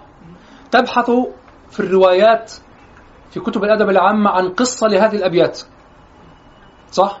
كأني لم أركب كأنك يعني كأنك وأنت ماذا لم تركب؟ كأنك ماذا يعني؟ يعني ما المشبه ما الذي تشبهه هنا؟ ولكن أنعم الله عليك بقصيدة مكتملة الخلق كل الذي سبق يقطعه الآن ويقول كأني لم أركب جوادا للذته فترى أن هذا القسم الأول أو القسم الثاني في القصيدة الذي يسبق هذا الأول على هذا يعني تراه قد ولد هذا القسم. وأداة التوليد هنا أو أو قناة التوليد هي كأني لم أركب جوادا للذته كأني لم أركب جوادا للذته تحتاج إلى أن تقف على المشبه. المشبه به موجود لكن المشبه ماذا؟ أين المشبه؟ تفهمه من عموم السياق يعني كل الحال التي ذكرت ذكرت كيف بدأ هذا القسم الذي اتصل بالفعل بالأدوات؟ بدأ من أبيات كثيرة جدا ألا زعمت بسباسة اليوم أنني كبرت وألا يحسن الله أمثالي كذبت لقد أصبي على المرء عرساه كذبت لقد أصبي واضح؟ ويبدأ هنا قسما جديدا. قلت هذا القسم متولد عنه وهو يشبه القسم الأول في كونه في الشجا والذكرى والحزن ولكنه يختلف عنه في مبدئه. الأول مبدأه هو أنه وقف على الطلل أو تذكر الطلل وليس من نص هو قاله. أما هنا فهو من تأمل في حاله التي ذكرها في القسم الثاني. فقال كأني لم أركبك. ولذلك سيختلف هذا القسم كثيرا عن القسم الأول. في ماذا؟ هو ليس تذكرا محضا ليس حزنا صافيا وإنما هو حزن مشوب بمرارة بغصة في الحلق. وهذا شعور آخر أدكن. هذا شعور آخر هذا لون آخر من الشعور. هل تفكرون بالألوان؟ أنا أرى ألوان وأرى أشياء. أنت مخرج المفروض تبقى فاهم الكلام. واضح؟ يعني أنا فرق كبير بين شخص نظر هكذا إلى ماضيه ثم بكى وبين شخص آه، دارت عليه الدنيا فدخل آه، عمل عملا وضيعا أو دخل على صديق له قديم كان يقرضه كثيرا قديما فأخذ أقتاد منه فطرده الشعور مختلف غصة ليس يبكي على الماضي بكاء مجردا وإنما يشعر بغصة فكذلك هنا يشعر بمرارة ولذلك بدأها بقوله كأني لم ليربطها بهذا القسم. بخلاف ألا رب وألا رب التي يبتدأ بها الكلام. وهذا فرق كبير جدا بين هذا القسم في موضعه في هذه القصيدة وبين قفا نبكي. لو أن هذا القسم نزع من القصيدة وغيرت مبدأه الذي يجعلك تبحث عن قصة. سترى أنه يشبه كثيرا قفا نبكي. ما الفرق بينهما؟ موضع هذا القسم من القصيدة لونه بلون مختلف. لو هذا يظهر أثره في الجزئيات في الداخل لن تره يذكر الأسماء كثيرا في الداخل. بخلاف قفا نبكي؟ لأنه يتعلق بالمكان شوق. أما هنا فيتعلق بالمعاني ولتلاحظون أننا إلى الآن ربما إلى اليوم لم نستعمل أو لم لم لم نعرض صور. لماذا لم يعد صور على الشاشة يعني؟ لماذا الصور قليلة؟ هو يذكر أفعالا وأحداثا يسهل لك أن تتصورها لكن لما كان يكثر من كأن كأن كأن في قفا نبكي لأنه يعيش في عمق كل صورة يعيش في الماضي يلتذ به. بخلاف هنا يرد فيجمل الحدث. ولهذا عليك أن تعد عدد كأن وكاف التشبيه في قفا نبكي وأن تعدها هنا الضعف. التشبيه هنا أقل بكثير هو طبعا هو شاعر التشبيه على كل. لكن. التشبيه في قفا نبكي أكثر. التشبيه هنا أقل. الحاجة إلى الشرح بالصورة الصورة المرئية هنا أقل هناك أكثر في قفا نبكي. ما العلة في هذا؟ السياق الشعوري في القصيدتين. الغرض الذي تقوم عليه كل قصيدة منهما مهما اتفقت في الأجزاء في الداخل. وبهذا تفرق بين الصور التي يقولون أنها متشابهة وأنها تحوي نفس المعاني. كل قصيدة أو كل صورة عليك أن تلتقط الطرف طرف الخيط أو الشعير الدموية في الصورة التي تغذي لون هذه الصورة وغرض هذه الصورة. تجعل الغرض مختلفا تماما. عليك أن تغذي أن تبحث عن هذه الشعيرة الدقيقة جدا. وكذلك هنا انظر كأني لم أركب. لو أنك استحضرت قفا نبكي وحدها كذا ونزلت عليها بباراشوت كما يقولون هي مثل قفا نبكي. لكن هنا هناك مرارة وأشعر أنه قالها بطأطأة رأس هكذا كأني لم أركب. أخذت لونا جديدا. بعد القسم الثاني الذي دخل في كأني. ولكن عليك أن توسع رأسك عن مستوى الجملة إلى مستوى الجمل إلى مستوى القصيدة. تفضل أنا رابطة بين البيت اللي هو صرفت الهوى عنهن وكاني يعني هو أقلع عن مصاحبة آه، هؤلاء الفتيات إقلاع كانه عمره ما كان عنده لهو ولا لا لا لا لأنه لن يتحمل هذا الإقلاع الجزئي الذي يقول هو استثناء لن يتحمل كل ما بعده. لأن ما ما الإطالة فيما بعده تدل على أنه أنه يعاكس به حزنا عظيما.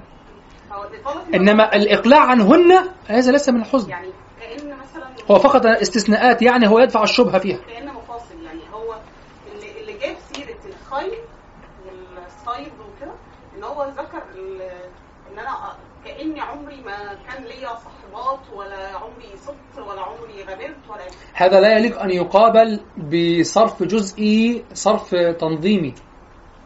يعني أنا تركت آه، يعني أترك الهوى عنهن يوم في الأسبوع. أترك الهوى يوم في الأسبوع يوما في الأسبوع كأني لم أركب وكأني لم أفعل وكأن لا هذا مع كل هذا الطول في الكلام لا يليق أبدا أن يقابل أنا أنظر إلى القسم على كالجملة هذا لا يليق أن يقابل بهذا الترك الجزئي. هو ترك آه، تكنيكي بس هو مش جزء لا ما صرفت لن يكون جزئيا صرفت آه كلام وبين صرفت الهوى عنهن من خشية الردى يعني لا لا امرؤ القيس سيصرف من خشية هنا سيعترض بما قاله لسلمى وبما آه وبما قال إنه لا يخشى الله وبما في المعلقة عارفة- س-.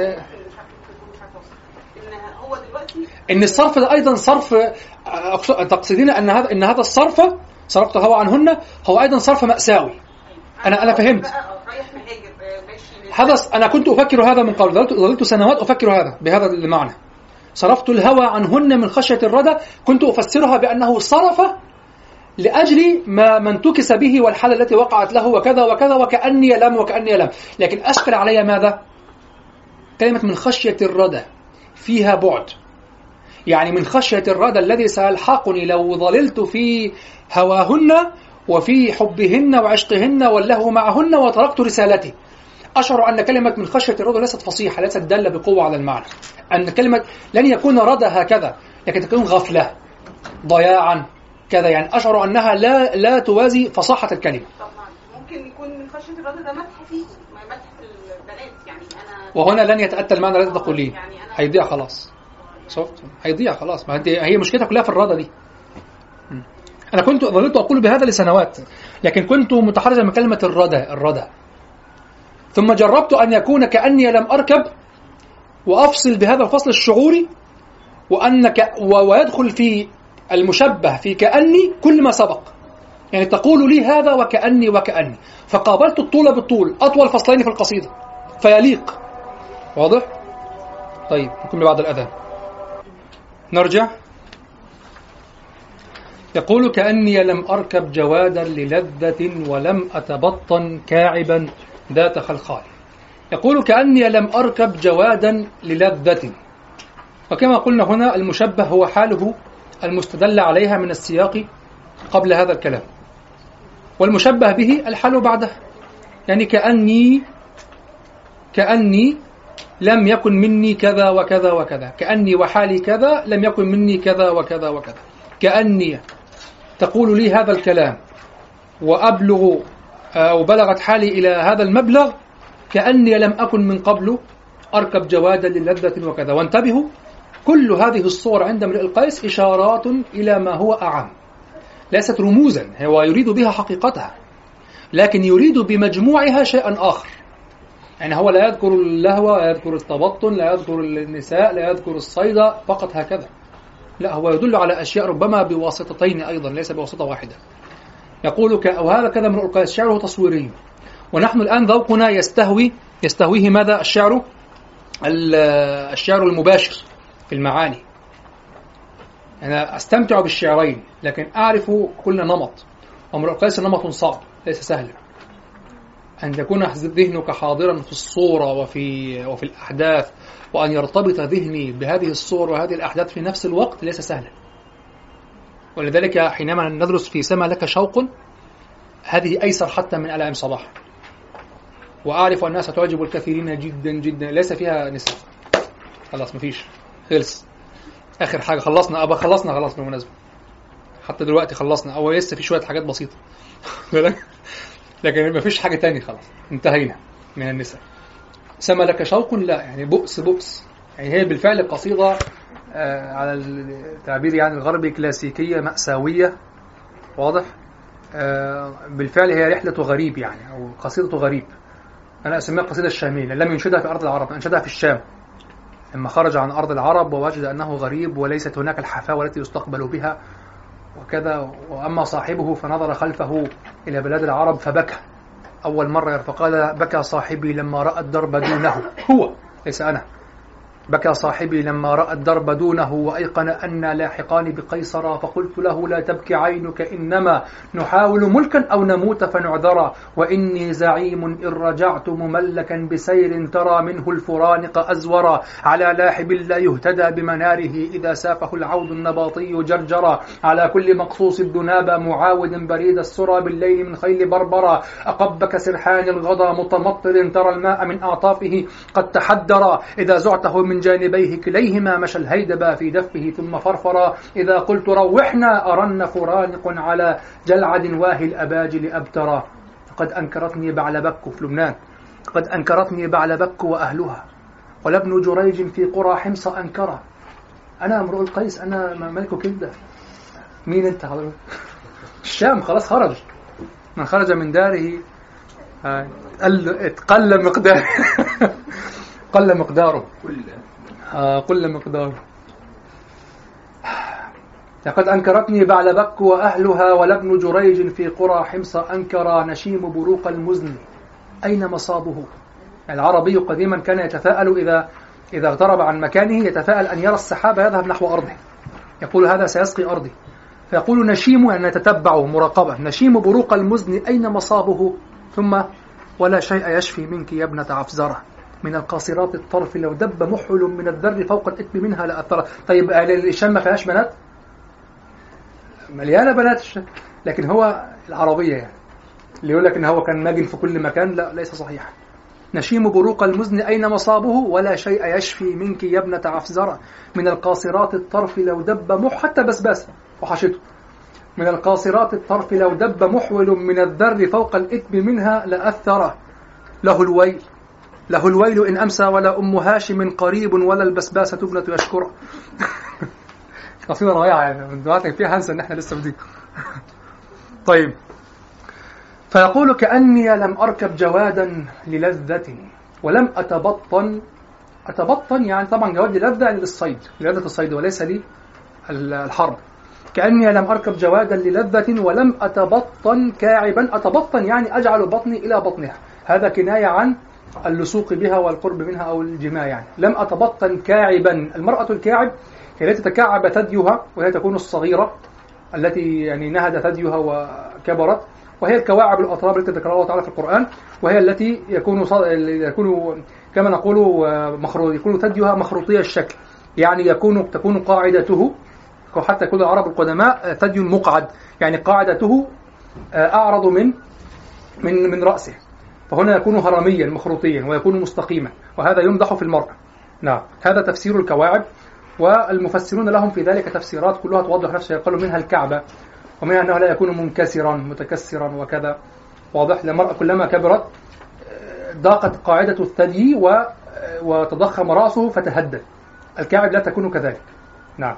فيقول آه ماذا يقول؟ نعم ولم أتبطن كاعبا ذات خلخال. الخلخال والخلخل والخلخل وال- نحن كنا نقول خلخال. هذه الزينة في القدم نقول نحن الخلخال. هو يقال عند العرب الخلخل والخلخل والخلخال. وهو زينة معروفة في القدم ربما تصدر أصواتا أو كذا إذا مشت بها. ولم أتبطن كاعبا ذات خلخال يعني امرأة صغيرة أو فتاة صغيرة في السن كاعبة لم تمس من قبل أما أنا فأصاحبها وكذا وأضمها إلي وكذا. ذات خلخال هذا كناية عن أنها متزينة على العموم في كل يعني. ولم أتبطن كاعبا ذات خلخال. يقول يقع لي هذا وكأني لم أكن ابن مملكة كندة ولم أتمتع كما يتمتع أبناء الملوك. فأركب جوادا للذة الصيد وأصاحب الفتيات. حتى أنه ترغب في صحبتي وأرغب في صحبة آه، فتاة كاعب متزينة كل هذا يقال لي الآن انظر هنا بدأ يخرج باللهو عن حد ماذا؟ عن حد لا يحسن اللهو أمثالك وهذا يؤذن بأن القسم قسم جديد وأنه لا يرتبط بجزء وإنما يرتبط بحال لأنه كان في السابق يرد على ماذا؟ على أنه لا يحسن اللهو يعني مصاحبة إلى ذلك القسم كله سلمى والعذارى وكذا ومثلك بضاء العوارض. كل كل هذا في الفتيات فقط. أما هنا فانتقل وذكر ما يدل على عموم ماذا؟ على عموم التمكن والسلطان. ولا يذكر هنا فقط اللهو الذي رد عليه في القسم السابق. هنا أدخل أشياء أخرى. وستتلاشى المرأة هنا تقريبا. ستذهب. وسيظهر سخاءه في الأصحاب. وسيظهر آه، دفاعه عن الأصحاب وإكرامه عن الأصحاب وسيظهر لهوه بالصيد في أرض يعز أن يفعل أن يفعل فيها هذا. لا يجرؤ أحد أن يفعل فيها هذا. كل هذا يدل على أنه يحكي قسما جديدا يحكي عن قسم جديد تدهورت فيه الحال فقالت له بسباسة هذا الكلام. ليس أنه يرد على بسباسة. يعني أنت اللي يحسن اللهو أمثالك فترد بأنني أصيد؟ كبرت ويحسن اللهو لا. رد عليها. لقد أصبي على كذبت لقد أصبي على المرء عرسها وكذا لا هنا قسم جديد. فلذلك كلمة كأني هذه معبأة بمعان كبيرة جدا. لماذا؟ أجمل كل الحال. بعد أن فرغ من الرد على بسباسة وأفرغ غضبه انتبه إلى نفسه صحيح معها حق. أنا الآن تقول لي هذا لأن حالي صارت كذا وكذا وكأني في الماضي لم أفعل ولم أفعل. وبدأ يذكر ما مارسه هو من أمارات وإشارات على سلطانه وملكه في القديم. وبالفعل كندا كانت يعني كما قلت ملوك كندا يتفانون يعني لا يعيشون. هذا معروف يعني هو إما أن يعيشوا ملوكا هم هم بالضبط ال- التبابعة القدماء أو نموذج ال- ال- اليمنيين. تعرفون العرب في جذورهم أصلا متجبرون العرب في أصولهم. العرب في أصولهم أمم عظيمة جدا. أجدادنا وأنا قي- طي يمنية أصلا. نعم التبابعة وملوك اليمن هؤلاء الحميريون هي بالضبط يعني بالعكس كندا كانت تفخر حتى على حمير. شوف ال- ال- وصل استقلاله إلى أي حد ولذلك هو تورط لعمرك ماء ضرني وسط حمير واضح أنهم تخلوا عنه. لعمري لعمرك ماء ضرني وسط حمير وأقيالها إلا المخيلة والسكر وغير الضلال المستبين فليتني أجر لساني يوم ذلكم مجر. واضح أنه كان بيختلع عليهم وكذا وكان يعني لا يبالي وكذا ويرتع في ملك أبيه فاحتاج إليهم بعد ذلك. لكن سبحان الله شخص بهذا بهذا الشكل في النهاية أيضا تحمل عبء المملكة. الذي يكون بهذا الشكل إذا وقعت المملكة يبحث عن لهوه في أي مكان أصلا. ولذلك قلت كثيرا جدا وأنبه وهذا قلته في شرح أبي فراس. حينما ترون جزءا من الشخصية القديمة لا تستحضر الوحدة التي في مخزون الثقافي الآن. يعني ترى المجاهد المصلي لا يترك فرضا ومجاهد وكذا ثم يشرب خمر عنده عادي كيف؟ كده. القضاة في الدولة الأندلسية كانوا يشربون الخمر في البيوت. كان معروف. قضاة وعدول ويأتي كده يجيب الأمير قدامه ويحكم عليه. لكن في البيوت أصحابي بيشرب الخمر. كانت معروفة. راجعوا التاريخ الأندلسي يشوف اللي واضح. أبو فراس الحمدان والحمدانيين يشربون ويقاتلون الروم. وإن هي إلا إحدى الحسنيين. عادي يعني. ليس عادي أنه صواب. لكن هكذا تشكلت الشخصية في هذا الوقت. الآن خمر. ستجلب لك صورة في ذهنك. هذا العربيد العاطل الكذا الكذا. لا كانت من شام الكراء. كانت يكفي أن تعرف أن بعض الصحابة إلى أن حرمت تحريما قاطعا كانوا يشربون الخمر. لم يكن لم يكن مخلا بهم من حيث مروءتهم الأصلية أن يشربوا الخمر. وكانت تجارة. وان لم تحرم بخلاف بخلاف البغاء.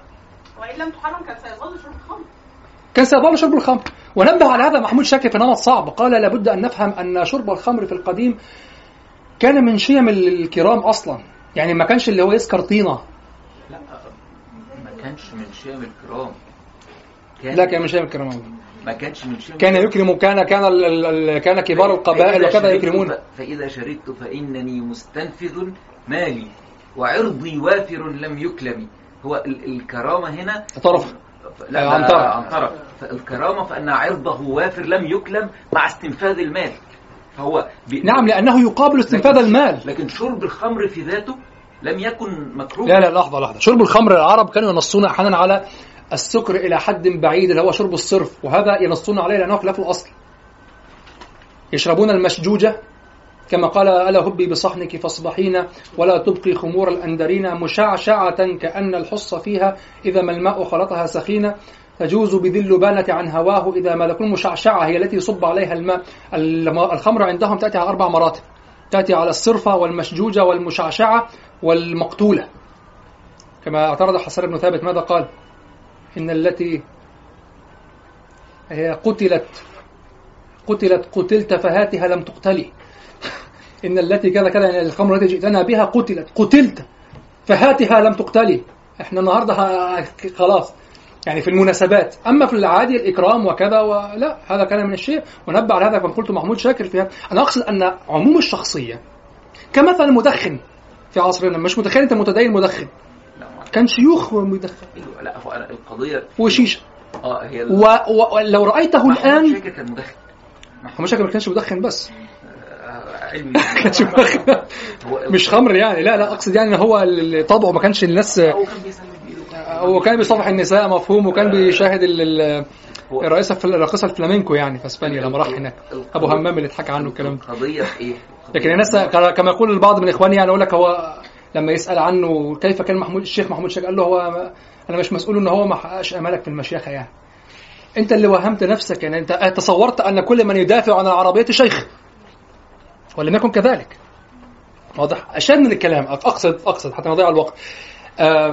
آم، الشخصية لا يمكنك أن تستجلبها بمخزونك الثقافي أنت.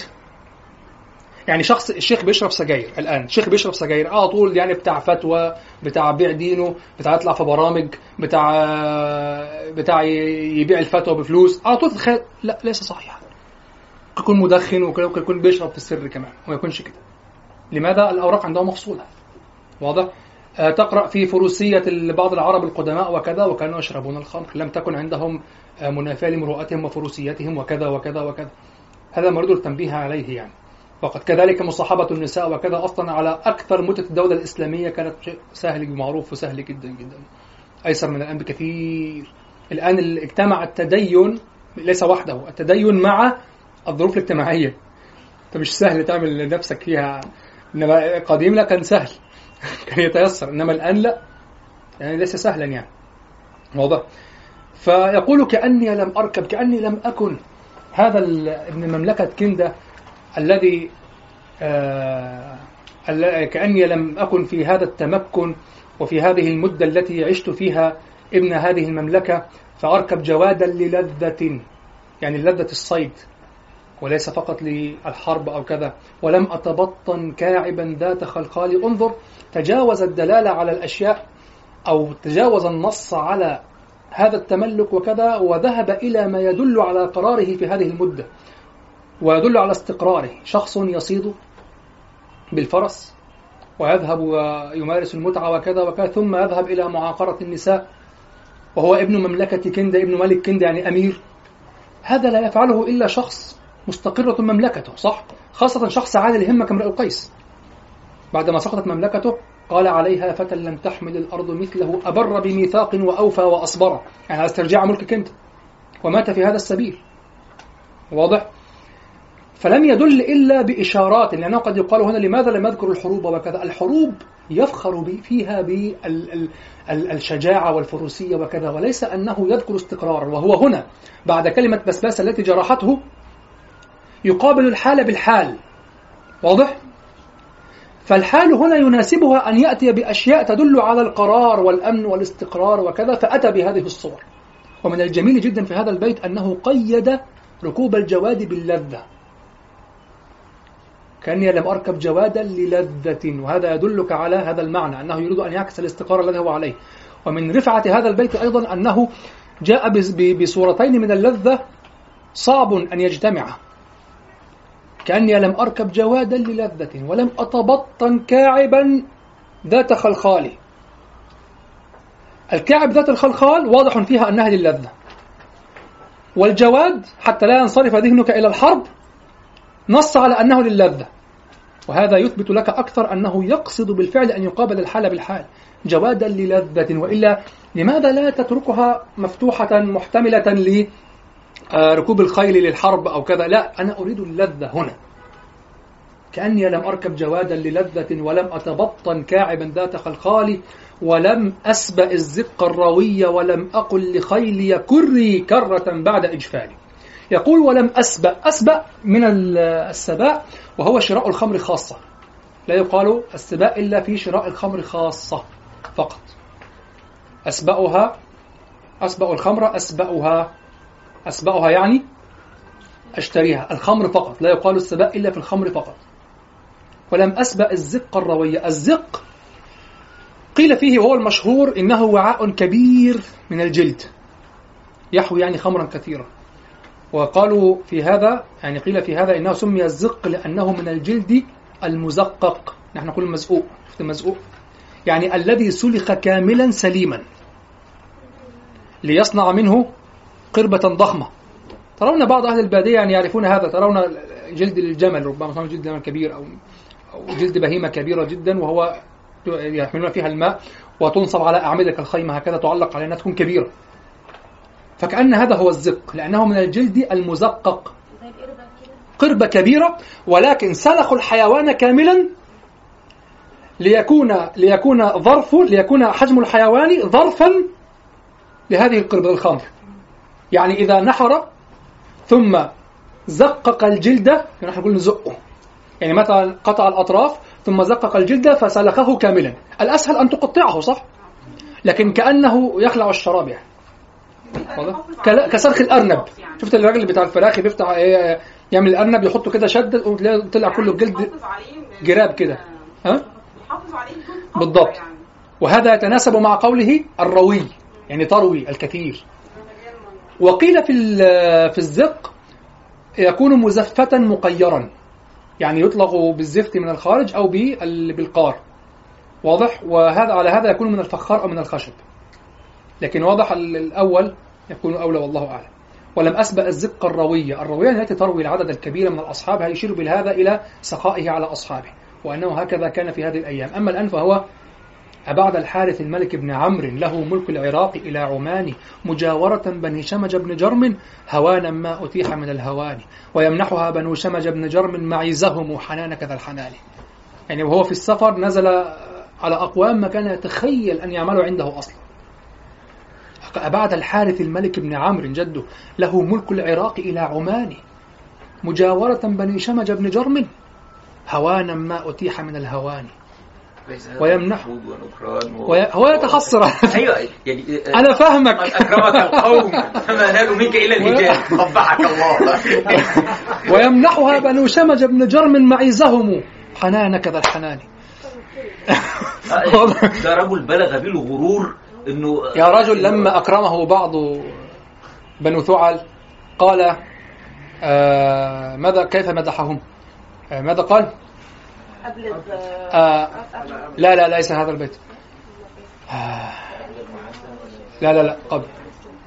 آه هم خمس أبيات. ماذا قال في الأول يا أخي؟ وحتى كنت أتناقش مع الشيخ فوزي في مرة منذ سنوات من خمس سنوات تقريبا فقلت له هذا الرجل لا يحسن ال- لا يحسن المدح. فقال هذا ملك يا مولانا. عارف الشيخ فوزي كان هذا ملك يا مولانا. بس هذا ليس بملك كريم استنى عنتر انت لا عشان ما نزعلش من بعض اصبر لا، بس ده, مش ملك مش كريم مش كريم لا لا أقصد ظهر في شعره أنه أيضا يعني ماذا قال؟ يا سعد آه، آه، آه. لا لا لا ليس هذا الابيات لا يا أخي لا لا ليست هذه الابيات الخمسة ماذا قال فيها؟ ها؟ آه آه آه هذه ما أولها؟ يا سعد وأين كيف نسيتوها؟ ها؟ أيوه لكن ما أول الابيات؟ آه فقال الذي آخرها بنو تيم مصابيح الظلام. آه كيف؟ س- هذه الابيات تسيطر علينا. لما قال طب حضرتك قول جزء منه ونعمل عليها بحث آه أنا أعرف الشعر لكن أريد أن أتي بالأبيات من أولها يعني. آه آه أيوة آه آه. لا لا كأني إذ نزلت على المعلى نزلت على البواذخ من شمامي فلا ملك فلا فما ملك إيه؟ فما ملك العراق على المعلى بمقتدر ولا ملك الشآم أصد نشاص ذي القرنين حتى تولى عارض الملك الهمام هذا هو النعمان أصد نشاص ذي القرنين حتى تولى عارض الملك الهمام أقر حشى امرئ القيس بن حجر يتكلم عن نفسه. أقر حشى يعني يمدحه بأنه أقر حشى أقر حشى يعني لا أذهب عنه الخوف ففوت تكرمه يعني بك. لا أقر حشى امرئ القيس بن حجر. أشوف أنت عملت إيه يعني. أقر حشى امرئ القيس بن حجر بنو تيم مصابيح الظلام. من هذا الحين لقبوا بمصابيح الظلام. بنو تميم لقبوا بمصابيح الظلام. بنو تميم مين؟ عارفين مين يعني تميم مين؟ أشهر تميم دلوقتي؟ تميم مين؟ حكام قطر. حكام قطر وصولهم بنو تميم يعني. طيب.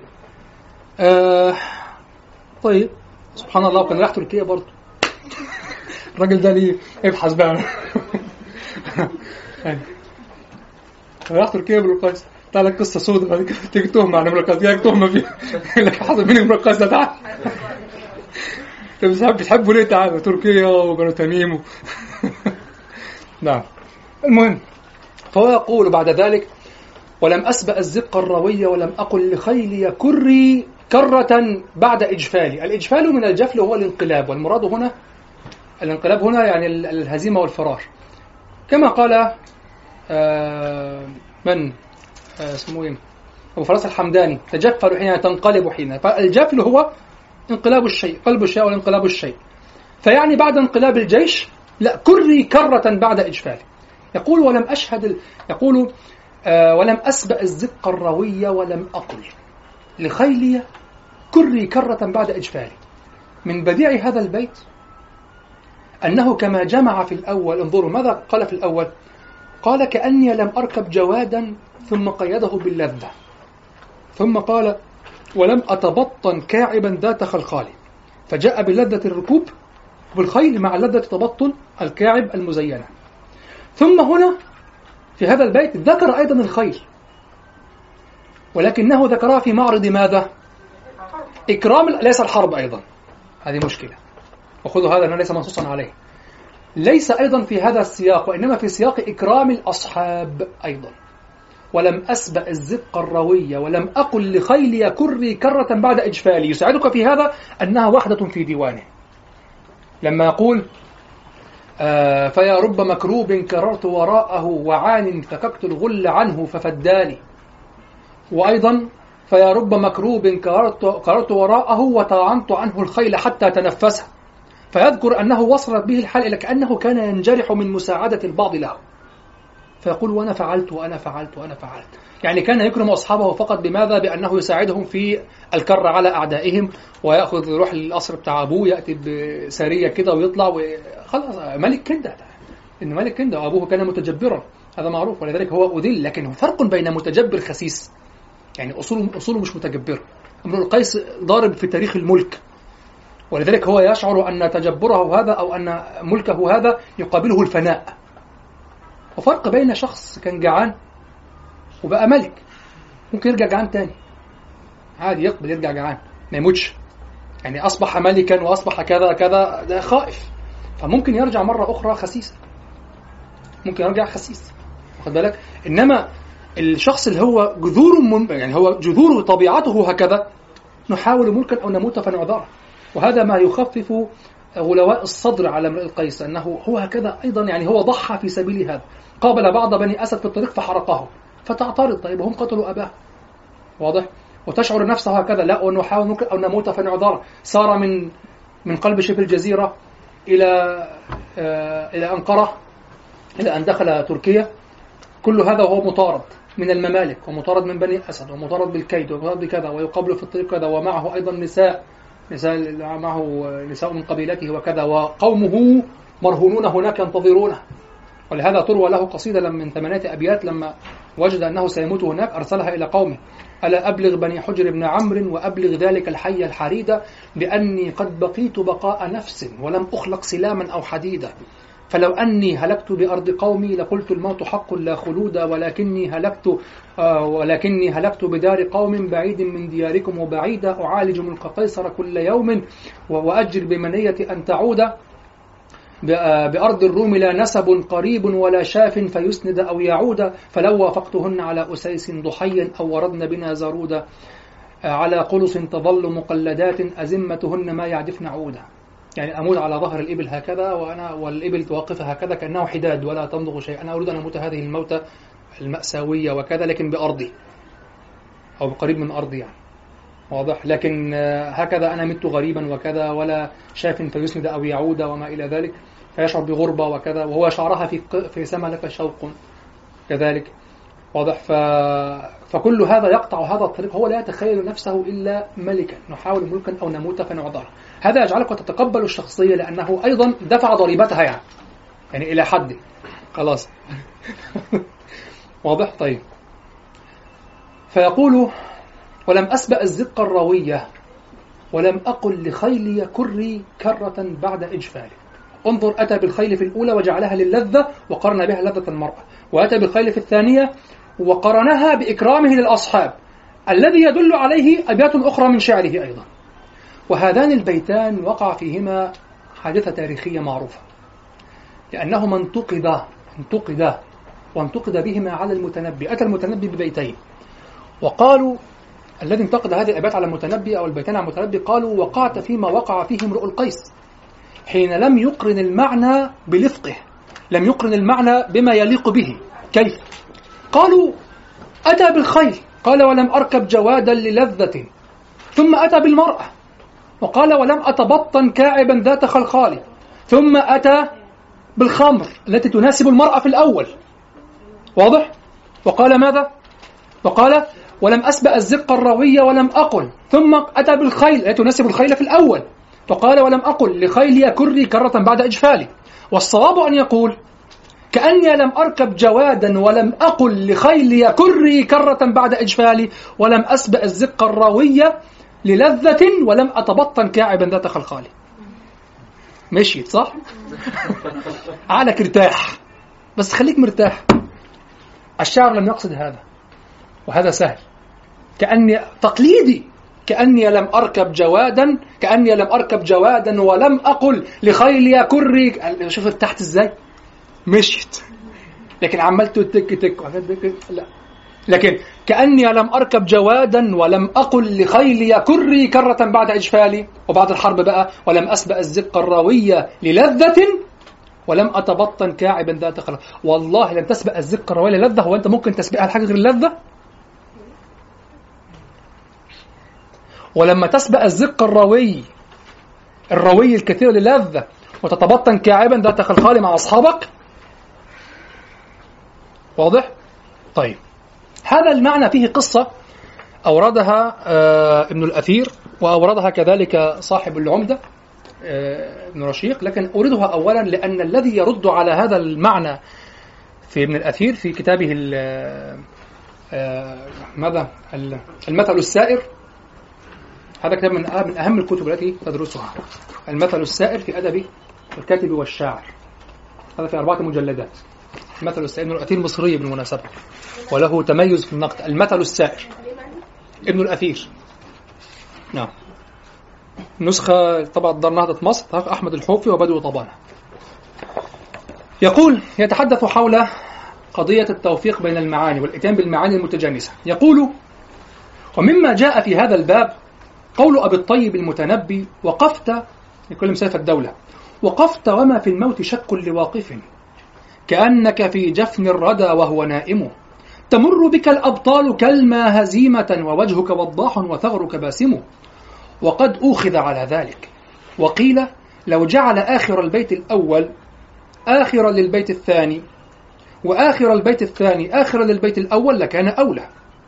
يعني وقفت وما في الموت شك لواقف ووجهك وضاح وثغرك باسم. تمر بك الأبطال كالما هزيمة كأنك في جفن الردى وهو نائم فيقول ولذلك حكاية. وهي أنه لما استنشده سيف الدولة يوما قصيدته التي أولها على قدر أهل العزم تأتي العزائم فلما بلغ إلى هذين البيتين قال قد انتقدتهما عليك. هو ابن الأثير سيف الدولة قال له قد انتقدتهما عليك. فنعم هنا المتنبي هو الذي يجيب عن هذا الكلام. واضح؟ قال قد انتقدتهما عليك. كما انتقد على امرئ القيس قوله كأني لم أركب جوادا للذة ولم أتبطن كاعبا ذات خلخال ولم أسبأ الزق الروي ولم أقل لخيلي كري كرة بعد إجفالي. فبيتاك لم يلتئم شطراهما. كما لم يلتئم شطرا بيتي امرئ القيس. وكان ينبغي لك أن تقول وقفت وما في الموت شك لواقف ووجهك وضاح وثغرك باسم تمر بك الأبطال كالما هزيمة كأنك في جفن الردى وهو نائم. فقال المتنبي طبعا المتنبي يفهم أن هذا الكلام ليس من رأس سيف الدولة. هناك من ينكش. فقال المتنبي إن صح أن الذي استدرك على امرئ القيس هذا أعلم بالشعر منه فقد أخطأ امرئ القيس وأخطأت أنا. ومولانا يعلم أن الثوب لا يعلمه البزاز. شوف هو لا يقول هذا لسيف الدولة إلا وهو يعلم أن هناك من حشى رأسه بهذا الكلام. ومولانا يعلم أن الثوب لا يعلمه البزاز كما يعلمه الحائك لأن البزاز يعرف جملته والحائك يعرف تفاصيله وإنما قرن هذا كلام متنبي. وإنما قرن امرؤ القيس النساء بلذة الركوب للصيد وقرن السماحة بسباء الخمر الأضياف بالشجاعة في منازلة الأعداء. وكذلك لما ذكرت الموت في صدر البيت الأول أتبعته بذكر الردى في آخره ليكون أحسن تلاؤما. ولما كان وجه المنهزم الجريح عبوسا وعينه باكية قلت ووجهك يعني أنت وضاح وثغرك باسم لأجمع بين الأضداد. واضح؟ هذا شرح متنبي لهذه القضية. ولذلك قدمت كلام الأثير مع أنه بعد العمدة يعني نص العمدة أقرب نص العمدة أقدم. ابن رشيق أقدم من ابن الأثير. طيب. أنا يعجبني كذلك في نص ابن الأثير قوله قوله الثوب لا يعلمه البزاز كما يعلمه الحائك لأن البزاز يعرف جملته والحائك يعرف تفاصيله هذا يشير إلى أن الشاعر حينما يكون ناقدا يكون أولى من الناقد غير الشاعر. وهذا في الحقيقة يراد به أن يكون يعني لماذا أيها الناقد تكون يكون نقدك أجود إذا كنت أو جيدا إذا كنت شاعرا؟ لأنك تعرف مداخل الشعراء ومخارجهم. المشكلة في النقاد أنهم لا يسلمون الشعراء كثيرا. ينقدونهم نقدا منطقيا ظاهرا. لكن إذا افترضنا وجود الناقد الذي هو أكثر مصاحبة و وأكثر قبولا لمداخل الشعراء ويعيش مع الشعراء وينطلق من الشعراء حتى إذا لم يكن شاعرا فهذا في حكم الناقد الشاعر. يعني من كان كذلك ابن جني كان مصاحبا للمتنبي ويدفع عن شعر المتنبي. لماذا؟ يفهم من المتنبي ماذا يريد أن يقول. ويفهم كيف يصنع. أما ال- الذي هو في الخارج يحكم بأحكام هكذا ظاهرة وخلاص ومنطقية وكيف يقول وكيف يصنع. فإما أن تكون ناقدا شاعرا فتعرف مداخل الشعراء وإما أن تكون ناقدا مسلما للشعراء. وأنا شخصيا أسلم للشعراء. حتى لم أكن شاعرا لكن أنا أسلم للشعراء أعرف كيف يفكرون وأنطلق منهم وأنا كأني شاعر معهم وليس لا, لا أقف موقفا مضادا لهم لا أنا تعصبي ولا إله للشعراء لا أنني أقف مع الناقد من بعيد ينقد وهو لا يعرف مداخل الشعراء وماذا وكيف يتكلم الشعراء النص عند آه، ابن رشيق فيه فوائد أخرى زائدة وأنا أقرأه لكم كذلك لأهميته. يقول ومن المفرق يعني المفرق من المعاني ومن المفرق المنفصل قول امرئ القيس كأني لم أركب جوادا للذة. ولم أتبطن كاعبا ذات خلقال ولم أسبأ الزق الروي ولم أقل لخيلي كربي كرة بعد إجفالي وكان هنا يشرح ما كان ابن الأثير من هذا الذي قصده المتنبي في الكلام. وكان قد ورد على سيف الدولة رجل بغدادي يعرف بالمنتخب أو المنتخب أظنه المنتخب هذه لم تضبط يعني. يعني حتى المحقق الدكتور آه، نبوي شعلان هذه أفضل نسخة للعمدة طبعا. في مجلدين. مكتبة الخنجي آه، يقول آه، لم أعثر له على ترجمة. يعني في هذه الرواية فقط. وكان قد ورد على سيف الدولة رجل بغدادي يعرف بالمنتخب. لا يكاد يسلم منه أحد من القدماء والمحدثين. دائما بتوع بغداد كده حتى الغداء المتنبي اللي هو أبو علي الحاتمي أيضا بغدادي. عراقي يعني. لا يكاد يسلم منه أحد من القدماء والمحدثين ولا يذكر شعر بحضرته إلا عابه واضح؟ هذه هذه أول فائدة هناك فوائد أربع من نص ابن رشيق أقف عليها طبعا نحن نختم إن شاء الله بهذا كده هناك هذه فائدة ما هي؟ الذي يكثر من النقد ولا. ولا يسلم منه أحد يغلب على ظنك أنه هو الذي أخطأ نعم لا أحد معصوم وكله يخطئ وكذا لكن لما تجد أنك تنقد كل شاعر فحل وغير فحل وترى كثير من الأخطاء شك في عقلك أنت. المشكلة عندك ربما. نعم لا يخطئ لكن يصدق عليه إذا لا إذا كان في ديوانه كله لم يخطئ إلا مرة مثلا. واضح؟ لكن ليس سهلا أن تنقد. أنا حينما أرى شخصا متساهلا في النقد شوف أكلمكم بهذا وأنتم تعلمون عني أنني لا أسلم لأحد ولا ولا أطبل ولا أزمر وكذا وأرفض هذا الطريقة لكن احتراما لعقلي واحتراما لسمعتي أعمل حسابا لل- للشهرة وللمكانة وللفحولة ولكذا. أعرف أن وراءها تاريخ. هؤلاء الشعراء طحن شعرهم طحن طحنا ودفنت آلاف الدواوين أو آلاف القصائد وآلاف المواد الشعرية دفنت وبقيت قصائدهم. واضح؟ مروا ب 15 قرنا. شوف مثلا شخص يقول لك أنا جاي شخص دخل الأزهر وسخنه أنا جيت عشان أصلح الأزهر. يا عم اتجربت كتير. كتير كل ده كل دفعة فيها 20 واحد داخل يصلح الأزهر. واخد بالك؟ يعني عايز أصلح أزهر عايز اقوم كذا. هو سادت يتصور إن القضية قضية دولة ومنظومة و... وأكبر من دولة كمان. ده قضية كرة أرضية كاملة. يعني منظومة أنت مطلوب إنك تعيش فيها. واخد بالك؟ ومؤسسة من مؤسسات الدولة تخضع للدولة وللنظام وأي حاجة مخالفة هتتصفى. شيء معروف. واضح؟ واللي بيسلم بذلك وبيفهم يقول متخاذل لأنه مش غبي. اللي مش غبي متخاذل يعني. واضح؟ لكن شيء معروفه يعني. الطيارة المعروفه السياسة هي التي تحكم الدين وتحكم كل شيء. معروف. المؤسسات الدينية تتبع الدولة على دينها. الأصل الدين المؤسسة الدين النظام. بعد ذلك لا السعودية بقتش السعودية بالمناسبه خلاص سلمان اللي ده الواد خلاص. السعودية اللي أنتوا عارفينها دي خلصت. السعودية بتاعت المتشددة والبدع خلصت. هتعيطوا عليها أصلا. هتقولوا يا ريتها كانت موجودة. خلاص انتهت. خلصت المرحلة انتهت. المرحلة اللي هي مرحلة المعاداة ورفض الكذا والوجود عشان توقع توقع الدولة العثمانية كذا وتوقع الخلافة وكذا وتخرج عليها وكذا. خلص. في دين جديد جاي. السعودية خلاص مش تبقى السعودية. خلاص؟ والحجاب واللي هو عرف النقاب والكلام ده مش هيبقى موجود. خلاص. مش هيبقى موجود. السعوديات هتشوف الشعر بقى الجاي وهتشوفوا الصدر والشعر وكل حاجة هتشوفوها خلاص. خلصت خلاص انتهت مع الولد الجديد اللي جاي ده خلاص. خلاص. اللطيف ده هيأثر إزاي على أدبيات الإسلاميين؟ على بقى هيبقى بس ال- ال- التدين بقى هيكون في الدول الأخرى بقى التسميعات التانية بقى والغربة والثقافات أنتوا عارفينها دي يعني. الاتجاهات التانية اللي هي البواقي اللي هي الترددات التسميع. لكن المهم هل هيكون ده أثره إيجابي أو سلبي؟ ما حدش يقدر بذهنه الواحد الشخص يتوقع لا صعب يتوقع. لكن أنا أقصد يعني إن الدين في كل مكان تابع للنظام والسياسة شيء معروف. خلاص المهم. فلما تجد نفسك عايز تغير منظومة وتغير آه، كيان مجتمعي سواء كان باطل سواء كان حق ضخم ما تبقى سذاجة. لما تجد نفسك أنا عايز استقرئ أشوف من أشعر الناس في العر- العربية. يا ابني الكلام ده اتعمل في 15 قرن. يعني مش غباء منك اتعمل. غباء إنك تعمله تاني. واضح؟ يعني الغباء أنت أنت أن تعيد اختراع أنا عايز أخترع العجلة. هتيجي كده هتبص تلاقي إنك جبت جسم مربع. معلش معذره فلما عملته كده فكان أسهل لما نزل. بعدين قمت عامل كده. في الآخر بقت في لما بقى عامل كده كالقمر الدائرة لسه مش موجودة الدايرة. لما صار كالقمر صار يتدحرج في كل جزء من أنت بتخترع عنه أول اختراع في التاريخ. أنت فوت تدرسه في ابتدائية مش تخترعه. واضح؟ فكذلك لما تجد شخص لا يكاد يسلم منه أحد من القدماء والمحدثين ولا يذكر شعر بحضرته إلا عابه بس هذا يؤذن أو إشارة إلى ضعف كلامه. طيب يقول وظهر على صاحبه بالحجة، نعم ولا يذكر شعر بحضرته إلا عابه وظهر على بالحجة وظهر على صاحبه بالحجة الواضحه.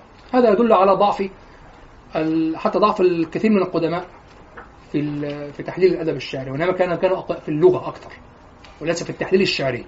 نقطة مهمة. قال فأنشد يوما هذين البيتين فقال قد خالف فيهما وأفسد لو قال كأني لم أركب جوادا ولم أقل لخيلي كري كرة بعد إجفالي ولم أسبأ الزق الروي للذة ولم أتبطن كعب ذات خلخالي لكان قد جمع الشيء وشكله بذكر الجواد والكر في بيت وذكر الخمر والنساء في بيت. فالتبس الأمر بين يدي سيف الدولة وسلموا له ما قال.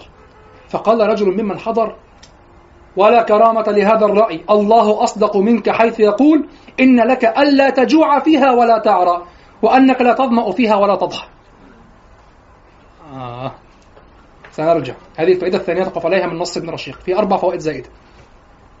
فأتى بالجوع مع العري ولم يأتي به مع الظمأ. الأصل الجوع مع الظمأ. فأتى بالجوع مع العري ولم يأتي به مع الظمأ. اللي هو القرآن يعني. فسر سيف الدولة وأجازه بصلة حسنة. سيف الدولة ماشي مع اللي بيغلب الظاهر مش كده قال أبو علي صاحب الكتاب قول امرئ طبعا ده كان واضح من كلام ال- الناسخ يعني. قول امرئ القيس أصوب ومعناه أغزر وأغرب. ونبتي مخطوطة مع معناه أعز وأغرب. ويبدو أن هذا هو الأصوب يعني. ومعناه أعز وأعز يعني أقل أندر. ومعنى قلت لكم؟ هذا صعب تجدونه. خيل مع نساء ثم خمر مع خيل. هذا أعز أندر. قال قول امرئ القيس أصوب ومعناه أعز وأغرب لأن اللذة التي ذكرها إنما هي الصيد. هكذا قال العلماء. ثم حكى عن شبابه وغشيانه النساء فجمع البيت معنيين ولو نظمه على ما قاله المعترض لنقص فائدة عجيبة. شوفوا هذا النص يثبت لكم ما وقفت أمام تمثل القصيدة. اسمع هذه فائدة ثالثة في هذا النص. يقول ولو نظمه على ما قال المعترض لنقص فائدة عجيبة وفضيلة شريفة تدل على الملك والسلطان. أهو قصيدة في الملك والسلطان أصلا. واضح؟ يعني اجتماع لذة الصيد بالفرس مع لذة الكاعب هو يشير إلى الملك والسلطان لأنه أصلا مجروح من بسباس. كأني بعد وهي تقول لي هذا الكلام كأني لم أر كأني لم يكن لي هذا الملك والسلطان. رأيته؟ الفائدة الرابعة وكذلك البيت الثاني لو نظره على ما قيل. لكان ذكر لكان ذكر اللذة زائدا على المعنى وحشوا لا فائدة فيه. لأن الزق لا يسبأ إلا للذة يعني إيه لم أسبق الزق الروي للذته والله. ما أنت تسبقها لإيه؟ ما بتشتري خمر لإيه؟ يعني مفيش أي حاجة لا بتولع بيها مصابيح ولا بتطهر بيها جروح. هي اللي لذة سواء شربتها صرفة شربتها مشجوجة مقتولة مشعشعة الأربع مراتب هي في النهاية لذة صح؟ طيب. المعنى الذي آه الذي ذكره آه في الآية لم يفسره ابن رشيق إنما اكتفى بالاحتجاج بالآية. وهذا كاف إنه نص بليغ والآية جاءت على خلاف كلامك. إن لك ألا تجوع فيها ولا تعرى وأنك لا تظمأ فيها ولا تضحى لا تجوع ولا تتعرى. ولا تظمأ ولا تتعرض للشمس. من الذي فسرها جيدا وشرحها الشيخ طاهر بن عاشور في التحرير والتنوير. نقرأ ماذا قال. يقول وقد قرن بين انتفاء الجوع واللباس في قوله ألا تجوع فيها ولا تعرى. وقرن بين انتفاء الظمأ وألم الجسم في قوله لا تظمأ فيها ولا تضحى. لمناسبة بين الجوع والعري في أن الجوع خلو البطن خلو باطن الجسم عما يقيه تألمه وذلك هو الطعام. وأن العري خلو ظاهر الجسم عما يقيه تألمه وهو لفح الحر وقرص البرد. ولمناسبة بين الظمأ وبين حرارة الشمس في أن الأول ألم حرارة الباطن والثاني ألم حرارة الظاهر. فهذا اقتضى عدم اقتران ذكر الظمأ والجوع وعدم اقتران ذكر العري بألم الحر. وإن كان مقتضى الظاهر جمع جمع النظيرين. في كليهما. إذ جمع النظائر من أساليب البديع في نظم الكلام بحسب الظاهر لولا أن عرض هنا ما أوجب تفريق النظائر. واضح الكلام؟ طيب هنا نقطة مهمة جدا لأن أنا دائما أغوص على فلسفة الشيء. الذي يفسر بالأصل وكذا هو في الحقيقة يفسر بسياقات أخرى. يعني لا يوجد عدم سياق. هل يوجد عدم سياق للكلام؟ الأصل هو عبارة عن سياقات كثيرة ليس أكثر. يعني حينما تقول الجوع والعطش هذا السياق عن حكاية مأساة اقتصادية. لكن على التطبيق الذي يجوع ويتعرى لأنه يكون بالنهار. صح؟ أنت لا تجوع. لا مش بالضرورة. أقول أنت الآن. أنا أرى مثلا الآن أتخيل بعض الكلام حينما يذكر شخص أنه يقول أذكر يعني أرى نص الجوع مع العري. يأتي دائما عادة أشعر بمخزون في ذهني هكذا الجوع والعري. ليس الظمأ وال والضحاء لكن الجوع مع العري. هل هل لي أن أقول شيء؟ هو برضو يعني نعم. ده هيبقى يعني ارتجال لا- يؤخذ بيه قوي بس هو ده خطر على بالي دلوقتي. الجوع مع مع العري الجوع بيقي الإنسان لما بيجوع بيشعر بالبرد الجسم عشان يستشعر الحرارة كنت بيحرق. سأنبهك الآن ابتعد عن التحليلات السببية التي لا تظهر في التعامل. لا ما هو دي بتظهر. انت دي بتظهر في التعامل جدا بس إحنا ما بناخدش بالنا منها قوي لأن إحنا ما بنتعرض لهاش. يعني إحنا بطبيعتنا ما بنتعرضش للجوع يعني- أو لكده يعني الإنسان إذا هذه علة العلة. نقول الجوع بيجتمع مع العري. في في في, في, في, في تسبيب شعور البرد. الاثنين بيجتمعوا إن أنت لما هتجوع هتبرد. لأن أنت جسمك مش لاقي حاجة يحرقها عشان صحيح. ده ده ده ده معروف. يعني لما تعرض للشمس تعطش. ولما تعرض للشمس هتعطش فده هيكون سبب ادعى المهم العلاقة بقى واضحة بين الجوع والعري الجوع صح؟ والعري لا يجد ما يأكله ولا ما يلبسه. ثم هو يظمأ ويضحى يتعرض للشمس. كما قال عمر بن أبي ربيعة رأت رجلا أما إذا الشمس عارضت فيضحى وأما بالعشية فيخسر. التعرض لل يمكن أن نقول التعرض للشمس يتسبب في العطش. ثم البرد بالليل ربما يدفعه بشيء من الطعام لكن لا لا طعام ولا لباس. هذا يموت من البرد هم هم صح؟ الاثنين هو الاثنين إن الجوع بيسبب البرد والتعري بيسبب البرد المهم عليك خرج. عن سياق أعم وسياق أشهر إلى سياق أخص في الكلام لاحظتم هذا؟ وأقول هنا أنبه كل من يفسر هذا هذه التفاسير إنما ينتقل من سياقات أخص ويفسر بها. يفسرها بسياقات أعم يعني يأتي بسياقات أعم على. على السياقات الخاصة والذي يتوجب عليك هنا أن تكون عائشا معه أو منخرطا وغائصا مع السياق الخاص لهذا الشاعر. دائما الاعتراض على النصوص بهذه السياقات والتفاسير العامة وكان ينبغي كلمة كان ينبغي كثيرة. هذه أول شيء تدل عليه أن هذا الشخص لا يعيش مع هذا الشاعر لا يعيش مع هذا النص بخصوصه. قلنا الرعاية الأخص الولاية الأخص أقوى من الولاية الأعم صح؟ فولاية الشاعر على نصه أو ولاية النص على نفسه أولى من ولاية النصوص الأخرى على نفسه. النص يستقل في الأصل. لابد أن تعطيه الاحتمال والحق في أن يكون منحرفا عن السياق العام. وإلا إذا لم تجد ذلك خلاص الحق. لكن أن تعيب النص بسياق خاص أو لا تفهم السياق الخاص له وتعيبه بأنه لم يأتي على سياقات عامة هذا معناه أنك لم لم تعطي هذا النص درسه. ولذلك أنا أقول دائما تأويلك للنص على خلاف حقيقته أو خلاف ما يدل عليه النص هو حمل له على مخزون آخر في ذهنه. لكن صار قاعدة. لكن في النهاية هو مخزون أيضا. كما قلت لكم لو لم تنتبهوا إلى خصوص ألاعم صباحا ستحملوها على قفلك لأنها موجودة في الذهن وتشبهها. يعني آه، نعم درسنا سابقا يعني في اصول الفقه آه، اعمال كلام الناس اولى من الايمان يعني أنا لازم افسر النص اللي قاله الشاعر ما أقولش- ما خطأوش صحيح؟ أقول كان ينبغي أن يفعل. لا هو كان ينبغي أن يقول أولا. إذا لم تجد وجها نعم احمله على السياقات حتى في القرآن كما قال الشيخ طارق بن عاشور الآن قال وإلا لولا هذا الشيء العارض النكتة البلاغية لكان الأولى حمل النظير على النظير. أصل في القرآن أنا مش هقدر أقول أصل كان يعني لا على افتراض الدراسة نستطيع أن نقول. آه، آه، ناس خرجت عن النقطة دي خالص. أنا مش فاهم الشعر قال غلط. يعني الناقد نعم. ولذلك احتج عليه بالآية ولم يفسر.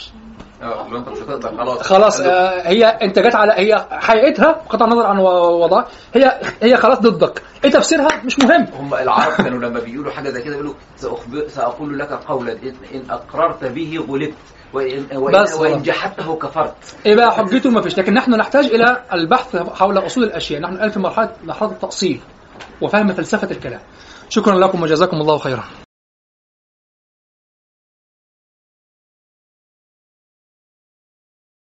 هو الذي بعث في الأميين رسولا منهم يتلو عليهم آياته ويزكيهم ويعلمهم الكتاب والحكمة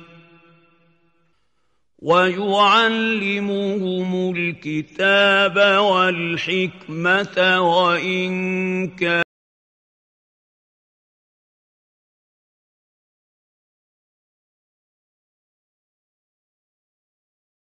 ولكن كونوا ربانيين بما كنتم تعلمون الكتاب وبما كنتم